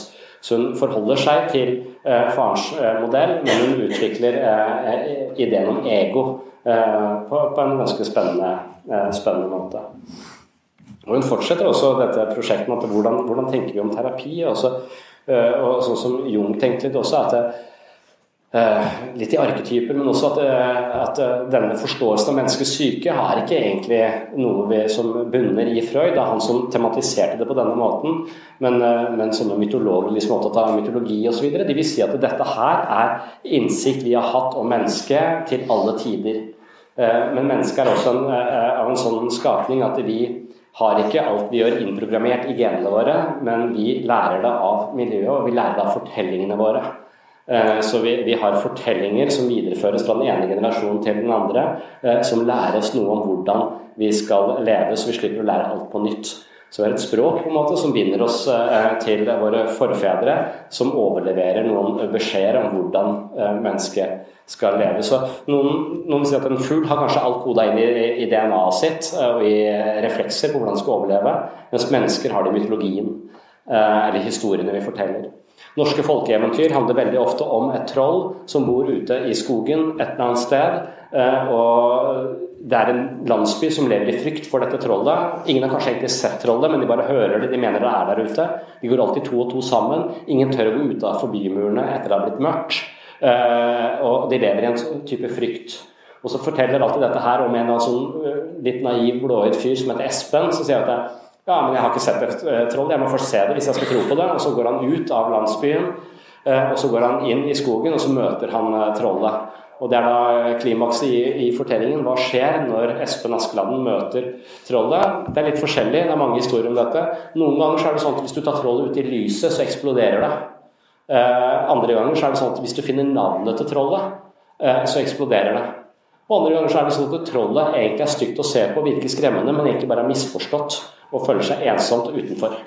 Så det er mange varianter av hvordan de forteller om, eh, om trollet, men trollet kan være et bilde på uakseptable følelser mennesker har, skremmende følelser som vi ikke orker å se på, og som vi på en måte, ifølge Freud, da skyver ned i det ubevisste, lukker og ikke vil ha noe med å gjøre. Og i det at vi på en måte snur ryggen til trollet, så vil vi alltid være trua av det. Det vil alltid ligge der og glefse til oss, og vi vil bare være mer og mer redd for det. Så, eh, så, det å møte trollet, det handler egentlig om å møte våre egne følelser, akseptere oss selv og de sidene oss selv som vi synes kanskje ikke er så uh, morsomt uh, å se på. Så når man begynner å tenke sånn om historier vi forteller, så kan man se filmer på en helt annen måte, man kan lese religion på en helt annen måte, man kan bli interessert i menneskets fortellinger fordi det har en eller annen beskjed til oss som er viktig for hvordan de lever livet. Uh, så ja.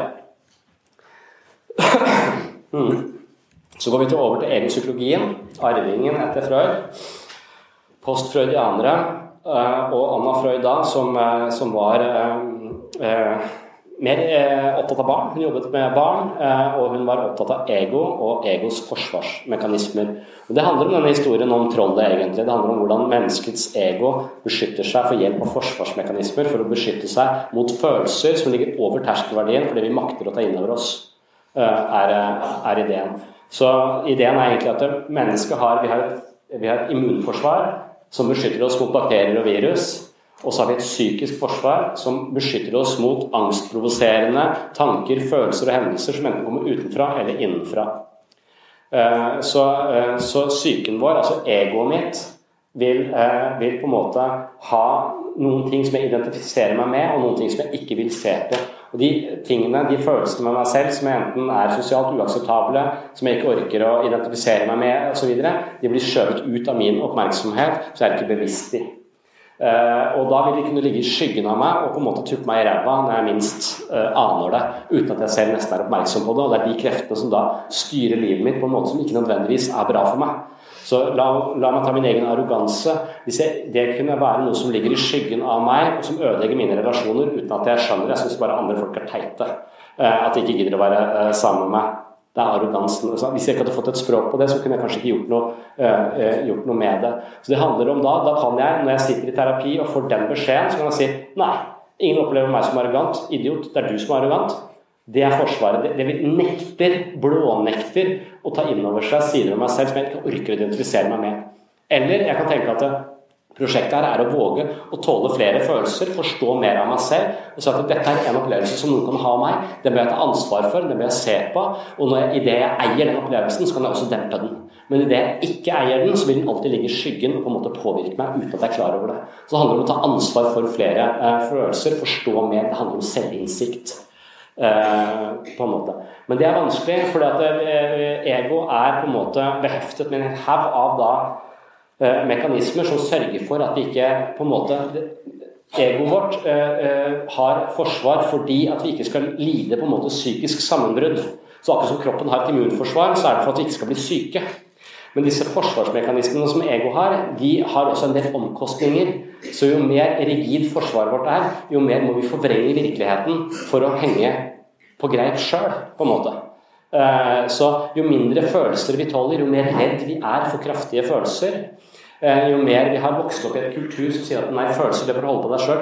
Følelser, den følelsen er ikke riktig, den følelsen er farlig. Nei, ikke tenk sånn, ikke vær sånn. Hvis vi hele tiden blir korrigert, ikke får lov til å uttrykke oss følelsesmessig, så vil det på en måte eh, skape en form for ja, undertrykkelse av, uh, av, følelser. Og da får vi litt denne trykkokeraktige uh, greia, og det ville være masse spenninger i oss. Og for å si at Psykisk lidelse er egentlig den energien vi da bruker på å holde dette forsvaret intakt. Så jo mer vi følelser vi ikke orker å ta inn over oss, jo mer energi må vi bruke på å holde disse følelsene fra livet, eh, på sett og vis. Så da vil vi være på en måte overbelasta. Så da kan man oppleve at det å være sammen med mennesker er blitt, er blitt sliten, jeg må hvile i flere dager etterpå. Nettopp fordi at det er i møte med andre mennesker du kan komme til å føle noe. Og hvis du har en veldig lav eller stor frykt eller usikkerhet på egne følelser, så bruker du så mye energi på å holde det i sjakk når du er sammen med andre, for det er der følelser oppstår. Det er i andres øyne at jeg kommer til å føle noe. Jeg kan jo løpe rundt hjemme i truse og spille luftgitar, og så lenge naboen ikke ser meg, så skammer jeg meg ikke. Det er først når naboen oppdager meg, når jeg møter blikket til naboen, at jeg får skam. Før det så var det bare greit. Og litt skam nå når jeg forteller om det. Eh, så, så, det er liksom i møte med andre mennesker vi kommer til å føle, og det er altså da forsvaret vårt må, må jobbe, mer, eh, jobbe mer aktivt. Så forsvaret er en bra ting, men Forsvaret er en dårlig ting hvis vi må stadig vekk til primitive forsvarsmekanismer. Så, eh, så, Anna Freud, eh, i forlengelse av farens arbeid, for å identifisere en stadig flere forsvarsmekanismer I dag bruker man opp mot 30 forskjellige typer forsvar som man har identifisert, som vi mennesker bruker for å holde psykisk balanse. Og så karakteriserer vi de som enten modne, nevrotiske eller primitive. Så uh, det vi får tid til å snakke om i dag, er bare disse hovedbolkene av forsvar. Det er interessant i seg selv å se på den enkelte forsvarsmekanismen, egentlig. Men, uh, men det vi, vi, får tid til nå, er bare å forstå hovedprinsippene i de ulike strategiene mennesket uh, bruker. Så Forsvaret er kort sagt den beste reaksjonen en person kan stille opp med i en gitt situasjon eller på et gitt tidspunkt. Og da har vi altså disse kategoriene. Det er modent forsvar, det er det nevrotiske forsvar, og det er det primitive eh, forsvaret. Og man kan si at Modent forsvar det er det forsvaret vi, vi, tilstreber, og det er det mest ønskelige. Når vi er i balanse, når vi er trygge på oss selv og i, eh, på en måte føler eh, kontroll og, og tåler følelser, så har vi et slags modent forsvar. Eh, eksempler på, på moden forsvar betyr at jeg tar ansvar for følelsen min. Jeg tåler følelsen min, og jeg forstår den. Den blir ikke til hjertebank eller uro, og da er den undertrykt. Eh, da har, den, da har den ikke noe ansikt. Jeg forstår følelsen, jeg tar ansvar for den, og jeg finner en måte å uttrykke den på. Eh, så en måte kan være humor. Jeg tror jeg kanskje at humor er en viktig ting for meg. At jeg, jeg ofte snakker litt store ord. Jeg uttrykker meg litt sterkt. Så hvis du kjenner meg, så vet du at det jeg sier, det mener jeg ikke, men jeg mener det litt. Men jeg mener ikke så kraftig som jeg sier det. Eh, så jeg overdriver som om det er en slags ventilering av følelser eh, for meg. Dette med disse rockestjernene som, eh, som er svartkledde og, og tygger blod, det er også på en måte det man det kaller man sublimering. Sublimering er en forsvarsmekanisme hvor man på en måte kanaliserer kraftige følelser ut i det man vil kalle en jeg-oppbyggende atferd. En ego-styrkende. Det er en måte ego klarer å forvalte denne følelsen på. Man kan tenke at forfattere eller kunstnere eller de som maler f.eks., at de kan istedenfor å gå rundt og være grumpy og irritert på folk, eh, eller gå rundt og være livredde, så maler de skrik. Og så har de gitt denne følelsen av frykt et ansikt, og folk bare kjenner seg igjen i det, og det blir stor kunst. Eller de leser novellen, og de forstår det, det gir de, og derfor de også et slags utløp for denne følelsen som forfatteren har hatt i seg, men som han har kanalisert ut i, eh, i, i skrift, istedenfor å gå rundt og være, være grumpy. Så Det modne forsvaret det er bl.a. sublimering. Det kan også være humor. Humor kan fungere på flere måter. Humor kan ta brodden av veldig vanskelige situasjoner. Galgenhumor. Så i en situasjon som virker helt håpløs, så kan man måte installere en grad av Vi kan takle det litt bedre hvis vi har litt humor eh, rundt det, selv om det ser ganske mørkt ut.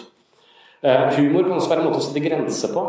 Eh, så når noen på en måte tråkker over grensene dine eller oppfører seg ufint mot deg, så kan du kanskje med et smil om munnen si et eller annet som gir den andre forståelse for at nå tråkket du over, det gjør du ikke igjen, eh, men vi er fortsatt venner. Det går fortsatt fint. Eh, og så kan humor skli over i mer nevrotiske og passivt aggressive strategier, hvor du bruker humor som stikk for å skade andre mennesker. Fordi at du ikke direkte kan si til den andre du har tråkket over, eller sånn og sånn, så prøver du å skade den andre med små stikk i form av ironi og sarkasme. Så da begynner det å bli mer nevrotisk. Du er ikke lenger helt klar over hvilken følelse du uttrykker i humoren din, men den har den stikkende, den bokser folk i magen eh, på en måte. Det kaller man ofte passivt aggressivt. Så det er en nevrotisk eh, eh, strategi. Mm. Ja. Så det er flere, altså Altruisme listes eh, som, en, eh, som et modent forsvar. Eh, det kan hende at du har en følelse av ikke være god nok eller utilstrekkelig. Men i det du hjelper noen og gjør en god gjerning, så får du en følelse av å være litt bedre selv, samtidig som du gjør noe godt for en annen. Så det er en slags vinn-vinn-situasjon. Ja. Og Forskjellen på disse me mekanismene er også at når du, er, når du håndterer livet med, på en modent, i, i, på en måte i en moden modus, eller med et modent forsvar, så tåler du følelsen. Du er bevisst følelsen, og du er bevisst deg selv. I den grad den følelsen blir så overveldende at du ikke lenger er så bevisst det, så kobler et annet forsvar inn og, og, beskytter, og, og, beskytter, deg mer, sånn at følelsen ofte da avskrives på en eller annen måte. Enten så måtte den fortrenges, som den blir helt borte, eller så må at den tilskrives noen andre enn deg. Så det er den andre som har følelsen, ikke du.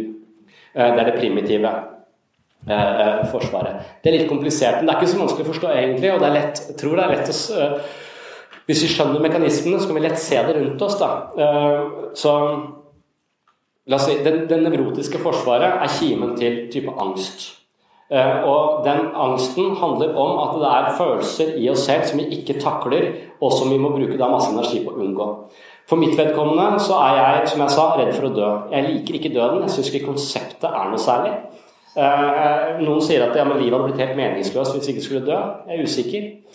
Eh, jeg skjønner ikke hvorfor et liv som på en måte eh, hadde vart kjempelenge, blir mer meningsfullt hvis vi forkorter det. Ja, hva skulle du bruke tida di på? Masse bøker jeg gjerne skulle ha lest, så jeg har ikke noe problem med å ha litt lengre, lengre tid. Så jeg er ikke avklart med døden. Det er sånn umodent, eh, det vet jeg. Jeg vet at det kloke mennesker er avklart med døden. Jeg har fulgt etter Per Fugli, for han virka som en sånn der eh, modig mann som taklet eh, og hadde forsonet seg med sin egen dødelighet. Så viser det seg etter at han nå er død, at han var ganske redd for å dø likevel. Og så skuffer meg dypt og inderlig. Og tenker at hvis ikke han takler døden, så er det i hvert fall ikke håp for meg. Så det har satt meg litt tilbake i mitt eget prosjekt om å møte døden. Men døden er et, en av de tingene som jeg syns er problematisk, og i da god psykoanalytisk eh, på en måte eh, skal si, takt og tone, så har jeg bestemt meg for å prøve å møte døden. For ideen i psykoterapi, eller i denne formen for uh, psykologi, er at vi må møte følelsene, vi må tåle følelsen, så at vi kan ha følelsen i oss, istedenfor å bruke masse energi på å unngå denne følelsen. Og døden utspiller seg i mitt liv på den måten at jeg, jeg bruker veldig mye energi på å ikke dø. Ikke det er derfor jeg går på helsestudio, det er derfor jeg ser meg for når jeg går over veien. Det er derfor jeg drikker tran. Det er egentlig bare for å ikke dø for tidlig. Jeg liker ikke tran, jeg liker ikke å trene. Jeg liker ingen av de tingene jeg gjør bare for å ikke legge på røret uh, for tidlig. Først så trente jeg for å se for å få større muskler. Uh, det har jeg også slutta med, for når jeg er gift, det er ikke vits i å ha de store musklene. Jeg bruker dem ikke til noen ting. Uh, og så, og, og, min forfengelighet har da dempet seg betraktelig eh, fra tidligere. Så, så, så, men en fortelling om nevrotikeren i meg er da når jeg eh, skal i begravelse, og det er noen som har stått meg nær. Eh, noen så snakker jeg om farfaren min, som sto meg nær. Han var en eh, utrolig fin mann og ble veldig gammel. Folk dør når de er gamle. Det har jeg på en måte innsett.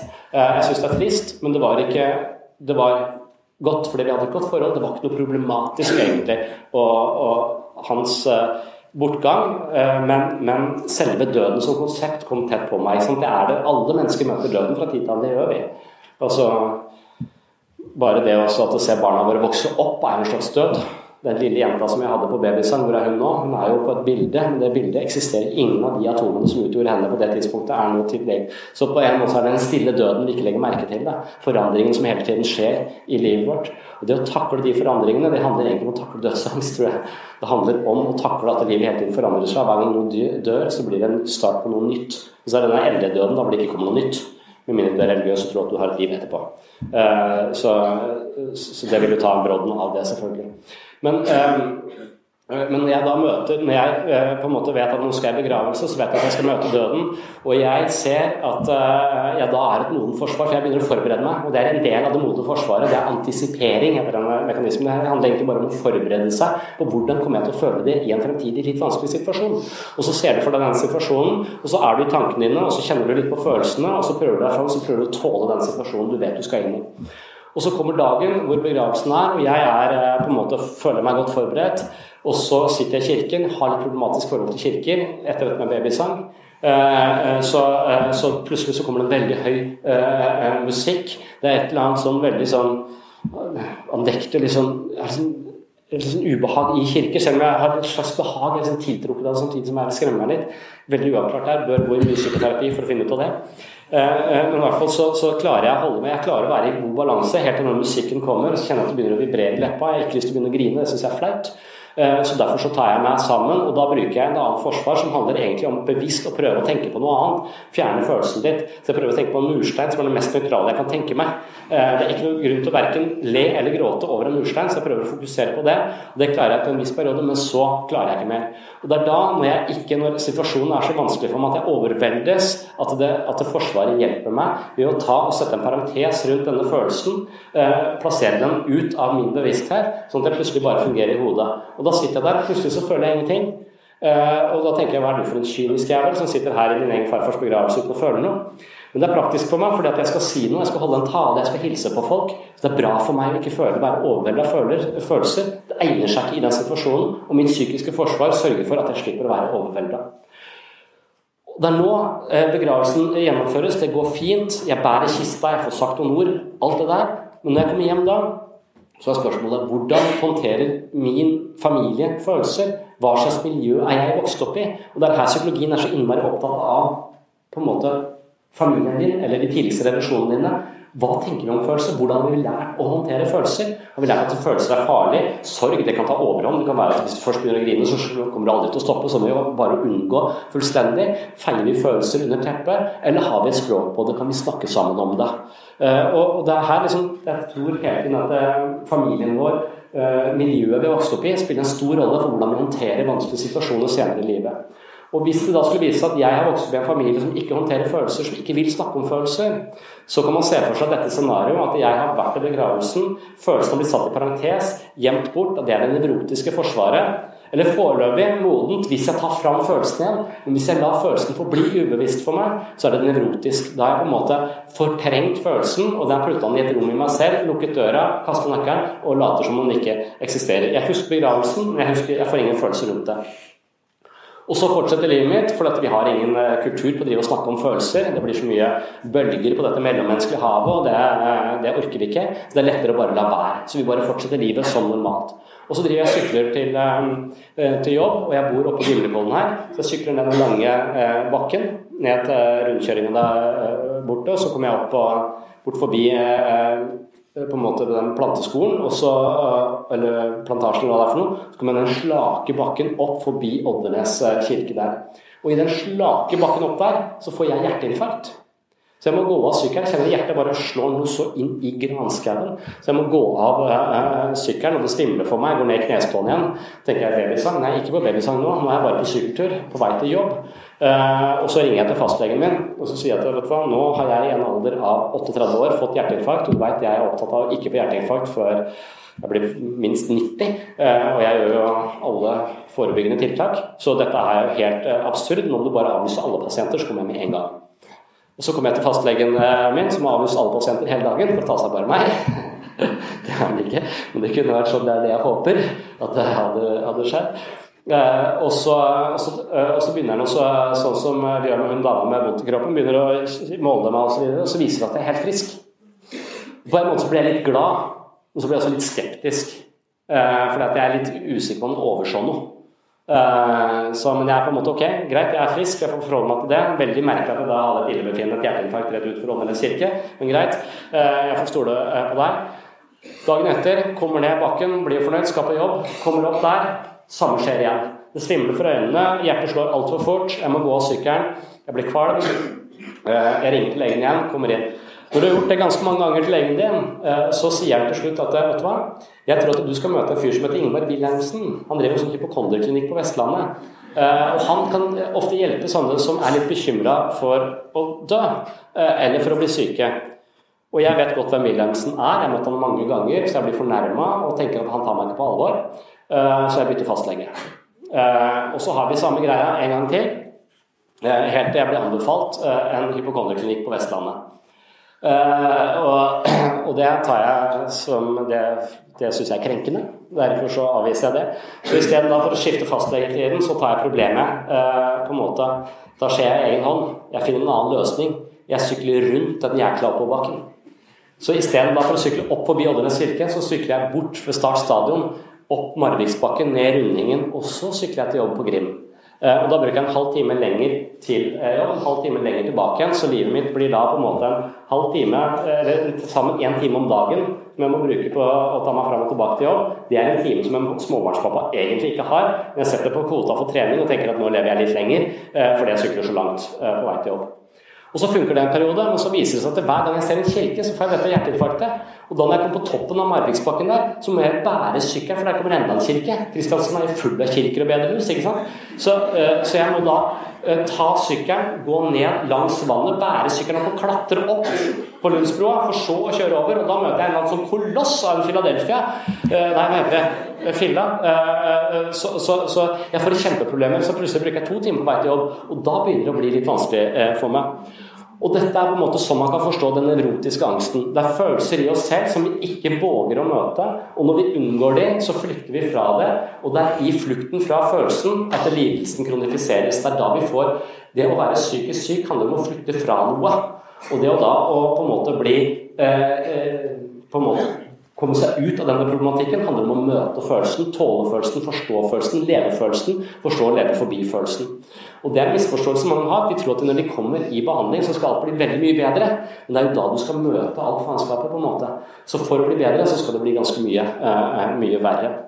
Så dette her er angstens vesen. Jeg er ikke redd for uh, kirker, men kirken har blitt en slags uh, symbol på død. Og jeg er uavklart med min egen død. Så derfor så vil jeg reagere med frykt i møte med disse her, men jeg vil ikke være oppmerksom på at det stedet er. Så for at jeg skal kunne og jeg, liksom, Foreldrene mine bor, på, uh, bor i Tønsberg. Uh, og Normalt sett så bruker du tre timer på å kjøre til Tønsberg. Men hvis du aldri kan kjøre forbi et bedehus fordi du får et illebefinnende, så bruker du ni timer til Tønsberg og overnatt i Telemark. Uh, så, så, det er sånn angsten spiser seg inn på livet, og livet vårt blir trangere og trangere og trangere. og trangere jo mer, jo mindre vi tåler. Det er altså det nevrotiske forsvaret som undertrykker følelser. og Da vil det være å tåle å forstå følelsen som er på en måte kuren. Ikke det å gå til eh, fastlege og tenke at det er en kroppslig galt. Men vi misforstår ofte psykisk smerte som noe fysisk, fordi det kjennes fysisk. Det kjennes fysisk på babys her. Det kjennes fysisk når jeg tror at eh, jeg får et hjerteinfarkt utenfor eh, for en kirke. Så det nevrotiske forsvaret undertrykker følelsene, og så gjør vi masse greier for å unngå den følelsen.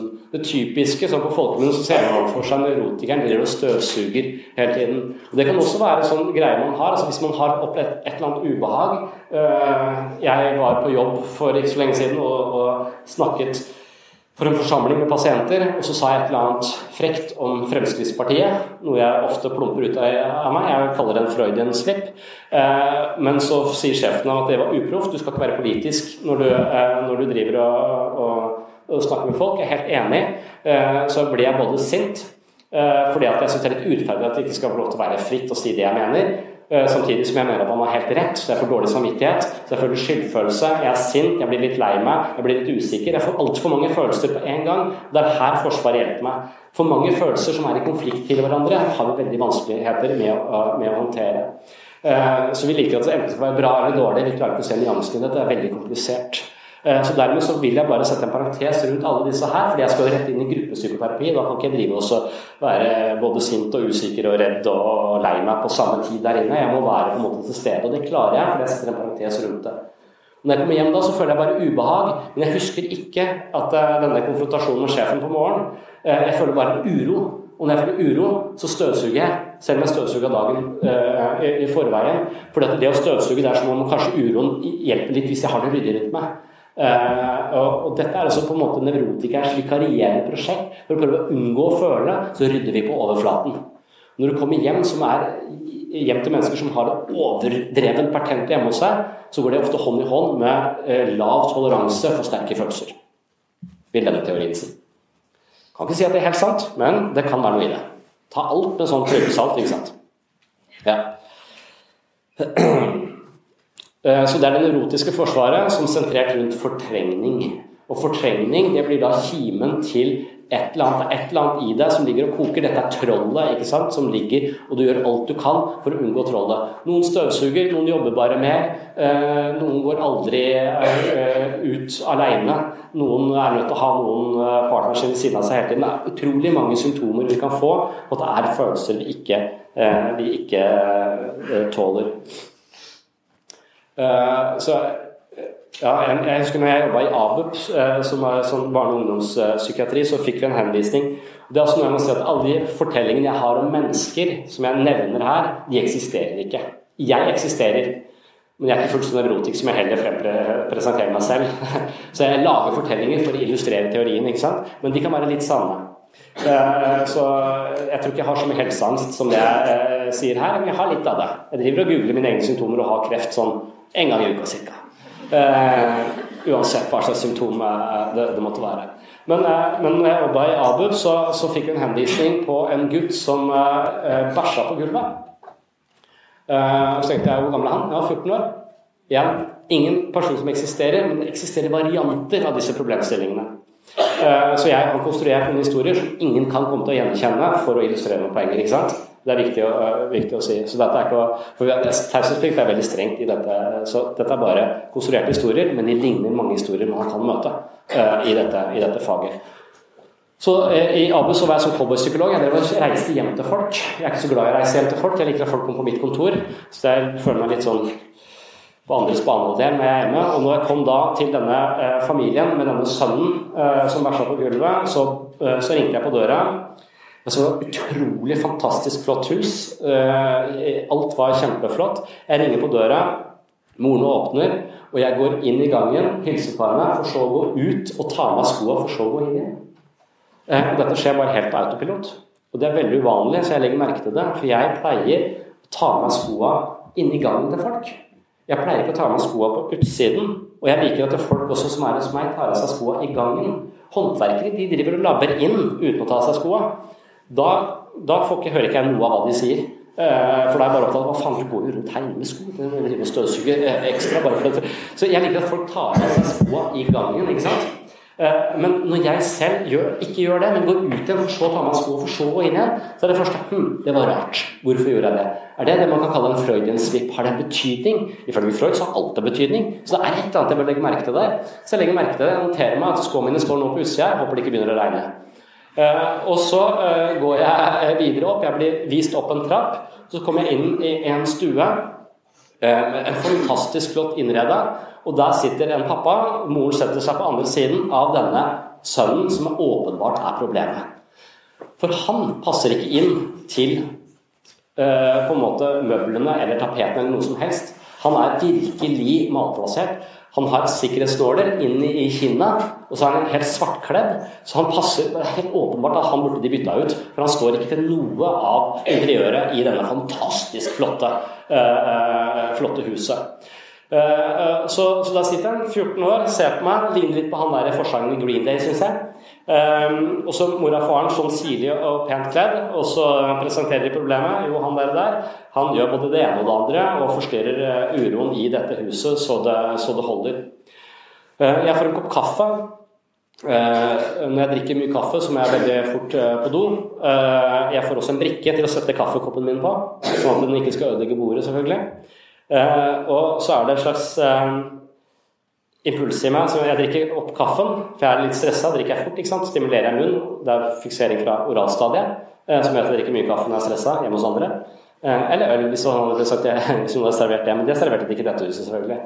Eh, så, så jeg får da blir drikkende ganske mye kaffe og kjenner at jeg må tisse. Så får jeg en impuls og sier hva med å bare tisse på gulvet? Så tenker jeg jøss, det er den samme impulsen du er. her.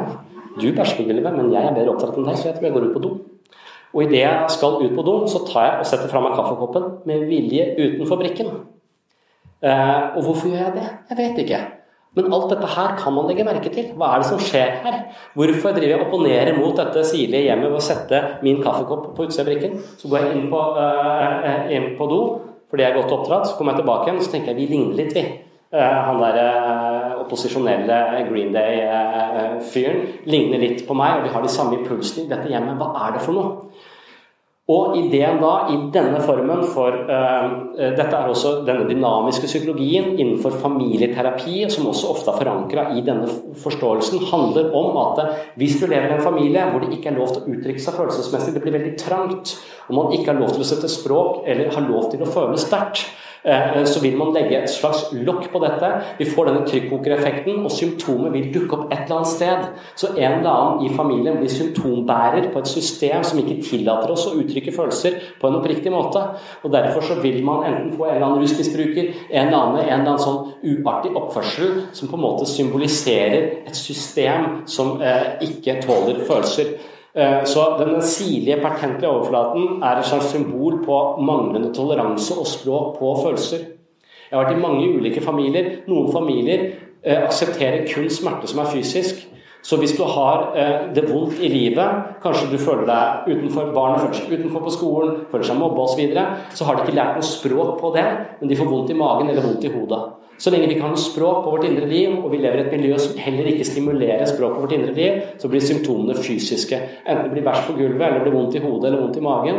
Så er det å bli voksen Det å på en måte eh, Det handler om å lære å forstå og sette ord på det som finnes på innsiden. Hvis vi da lever i et miljø som ikke har språk for dette, men som mener at alt som er ubehag, er fysisk Det ene lukta som er her, den er fysisk. Du må ha en eller annen fysisk symptom som fastlegen din kan påse for at smerten din skal gjelde. Eh, så, så, lever du i et miljø hvor alle, alt ubehag blir omformet til en eller annen form for fysisk eh, smerte, smertetilstand. Og der man tenke at Det fysiske og det psykiske henger, veldig tett sammen. Det er ikke dermed sagt at ingenting bare er fysisk, men de fleste ting er både litt fysisk og litt psykisk. Og noen ganger så går det an å helbrede fysiske ting på en psykisk måte. og det altså da, Men det er vanskelig. Det handler om å installere en helt ny dialekt, og det er det som er psykoterapiens vesen.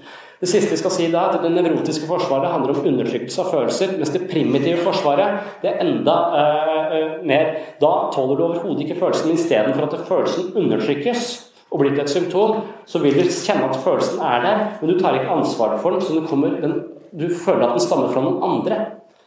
Eksempelet er hvis jeg da har vært ute og vært usikker, drukket for mye, så jeg har vondt i hodet, sovet for lenge, uh, så noe som aldri skjer, for det er aldri er ute, uh, men hvis det hadde skjedd, og så er jeg da kanskje en person som sier at 'jeg er aldri sur'. Eh, så hvis jeg da våkner om morgenen, og det er en dårlig stemning, eh, så vil jeg tenke at siden det er en dårlig stemning her, så må det være kona mi eh, som står for den dårlige stemninga. Så da sier jeg til henne 'jeg syns du virker litt sur i dag'.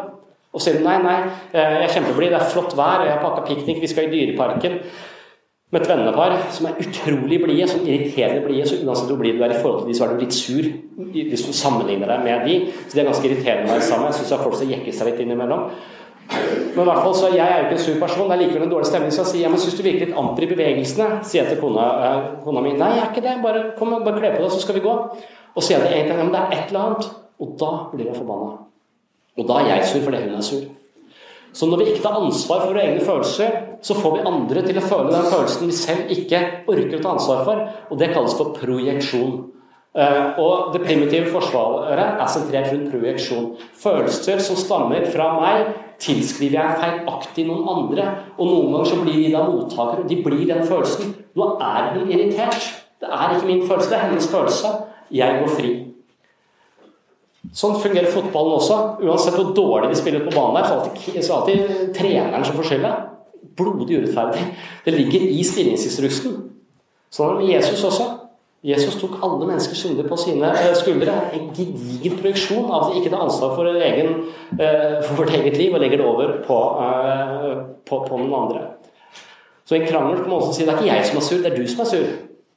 Så, eh, så, veldig mye menneskelig eh, samspill handler om at vi ikke tar ansvar for følelsene våre, men agerer som et offer eller tilskriver andre følelser som vi selv ikke makter å ta inn over oss.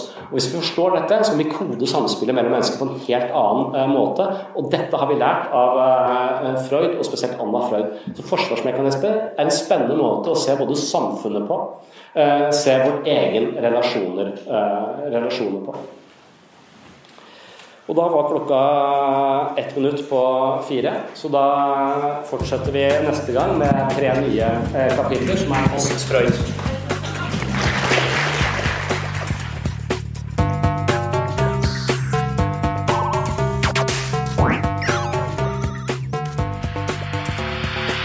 For at du hørte på Webpsykologens podkast. Jeg blir veldig glad hvis du gidder å rate podkasten. Jeg blir også veldig glad hvis du er interessert i å kjøpe bøkene.